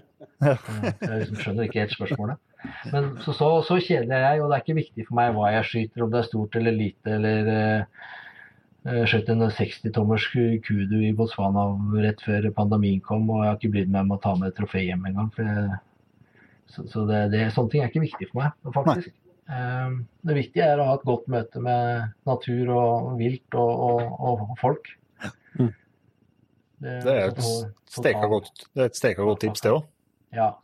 Og sånn sett syns jeg ikke det er så morsomt å melde meg på jakttur som jeg betaler for på, liksom på en vanlig måte. For da blir litt av eventyret borte for meg. Jeg, det er Mm. hyggeligere å jeg, jeg skjønner at folk gjør det, men eh, For da får du liksom det litt opp i hendene. Men litt av poenget, eller litt morsomt, er å treffe noen sånne luringer eh, som jakter på sin måte, og, og det er mye uforutsigbart, da. Mm. Og jeg liker Bra. å skyte mye, så Mot culling og sånt syns jeg er veldig artig å kunne være med og, og drive med kjøttjakt. Ja. Jeg er jo egentlig en kjøttjeger. Jeg er veldig glad i å lage og ta vare på viltet etterpå. Lage maten og Hele reisen. hele reisen, kan du si. ja. Mm. Og det er ikke viktig for meg om jeg har skutt ditt eller datt, om det er bjørn eller stort eller lite eller grand slam her eller der. Det har jeg aldri skjønt poenget med. Nei. Om vi jakter i Romania eller Norge eller Finland eller Sverige, det spiller egentlig ikke så stor rolle det heller. Bare det er hyggelige folk og bra natur og bra jakt. Det synes jeg høres ut som en, eh, en fin plass å, å runde av. Men eh, hvis du har ei jakthistorie på slutten, på det, så skal du selvsagt eh, få ta deg tid til den, da. Um, ja. Uh, jeg skal bare skal bare si et jakttips til, og det er egentlig kom Ja. deg på jakt. Bruk penger på jakt, ikke utstyr. Det var det, det, var det, det jeg tenkte også å si. Men jakthistorier Jeg har jo, jeg er jo veldig dårlig på historier, da. Men ehm, hvis du ser den hvis du sier du ser det jeg har bak meg her, eh, mm. så, så ser du kanskje det er en eh, Gamesbok med et knekt horn. Stemmer. Ja. Og den ble jo skutt sammen med en namibisk eh, bonde som, som er en utrolig kul jeger, som har jo vært jeger i generasjoner, og, og som kan spore dyr, akkurat som svarte. Og det er ikke så veldig mange hvite jegere som klarer å gå et spor over flere dager uten hund, eller en svart eh, tracker. Men han og jeg var ute på jakt, og, og det var mørkt, og vi så en sånn gamesbok. og og vi ble om at jeg skulle skyte den, da. Eh, Og jeg skøyt. Og liksom idet jeg trakk i avtrekkeren, så var det liksom litt vi snakka om faen, det, det, det skuddet skulle jeg ikke skutt. Det var for mørkt. Liksom, og det, for det var akkurat virkelig siste sekundet av hva jeg burde skutt. Og heldigvis så lå jo dyret fint, eh, som du kanskje kan tro, siden det står der. Men så, ser, men så ser du at det er knekt horn. Og det kunne vi jo ikke se, selvfølgelig. Så det er, sånn, det, det er et lite tankekors at ok, det, det var eh, det skuddet burde nok holdt igjen. Eh, Det er sånt man lærer av. Ja. Jeg burde sett det hornet litt bedre. Men Det betyr jo ingenting for meg, men det er derfor det er et litt morsomt trofé. Men Ja. Det er noen sånne lærepenger man får. Det hender du tenker at det, det skuddet skulle jeg holdt igjen. Men det gikk bra. Det kunne gått dårlig. Det var litt mørkt. Ja. Nei, men uh, Veldig fint. Uh, Volle. Vi setter uh, sagt kjempestor pris på både jobben du gjør og det du skriver og tenker og, og formidler både til oss og i, um, i andre fora. Og ikke minst at du igjen tok deg tida til en, en prat med oss. Det um, er vi glad for. Og så håper vi vi kan ta opp tråden igjen når det har Plutselig så er det jo noen som finner en viltlov i en skuff. Det kan Som, være. som vi må forstå. Ja. Nei, men det er bare hyggelig. Så jeg kommer gjerne tilbake. Supert. Jeg finner Ja, bedre historier òg. takk, ta- takker vi for praten. Ja, takk i like måte. Lykke til. Det var altså Pål S. Jensen, det. Jaktjus. Yes. Vi ble ikke, eh, jeg syns vi ble litt klokere i gangen her. Ja, ja, ja. Det er bare kjekt å ha med en Pål. Ja, det er artig med um, åpenbart faglig dyktig, og så lell greie å formidle seg på en sånn måte at til og med vi to han hvert fall tror forstår en del av det han sier. Snakker, snakker jegerspråket. Ja, det er jo ikke Det er jo en, um, det er en styrke i seg sjøl, så det er veldig også interessant å høre hans betraktninger både liksom på um, det er så det rent liksom juridiske, men også, han har jo mer kjennskap til, til hvordan ting blir til enn uh, i den verden der Han kan vi har, så liksom få litt innsyn i det og syns jeg er interessant. Absolutt. Så, men da skal vi vel eh, begynne å gå inn eh, litt skikkelig for landing. da. Vi skal jo heldigvis få lov til å eh, ønske en gjeng nye patriens eh, velkommen inn i jaktlaget. Ja. Så Da er det bare å starte på toppen der Jon Inge, og si tusen hjertelig takk til Jostein Jensen, Og Erik Kvam. Kristoffer Fjæran Riseng, Alexander Kjølseth. eh, Thomas André Arnøy, Marius Slåtsveen. Jens Krutbakk Bjørn Inge. og Morten Johansen. Tusen hjertelig takk til dere. Og så er det jo sånn 3000 til som allerede er med og hjelper oss og gjør dette her mulig, så tusen hjertelig takk til alle dere. Det blir vel eh, neste uke P3-episode. Ja. Så da er det jo eh, god anledning, eh, hvis du vil høre den, til å bli med i jaktlaget hvis du ikke er medlem. Og vi skal jo ha ei trekning av både elgjakt og litt jaktutstyr nå i juni òg. Da får vi deg da i tillegg. Og så får du ekstra god pris i nettbutikken. Yes. Og jeg ser ikke bort ifra at det vanker rabatter for dere som har tenkt dere som er patriens, til Aspøyen Gamefair. Det, er, eh, det ruller på med ting som skjer der òg. Det gjør det. Det er nesten ikke jeg tør å snakke om lenger. det, det blir, Vi får ta det senere. det, men det er i hvert fall utrolig artig å se responsen til utstillerne. Ja. For de har i hvert fall eh, respondert veldig godt på, på planene som er lagt. Og det, vi kan jo allerede kalle rekordmange utstillere. Ja. Og det er veldig tøft. Så, men da tror jeg Inge, at vi eh, må begynne å ta kveld på Tynset, og så ser vi som bruker å gjøre til neste gang. Vi høres.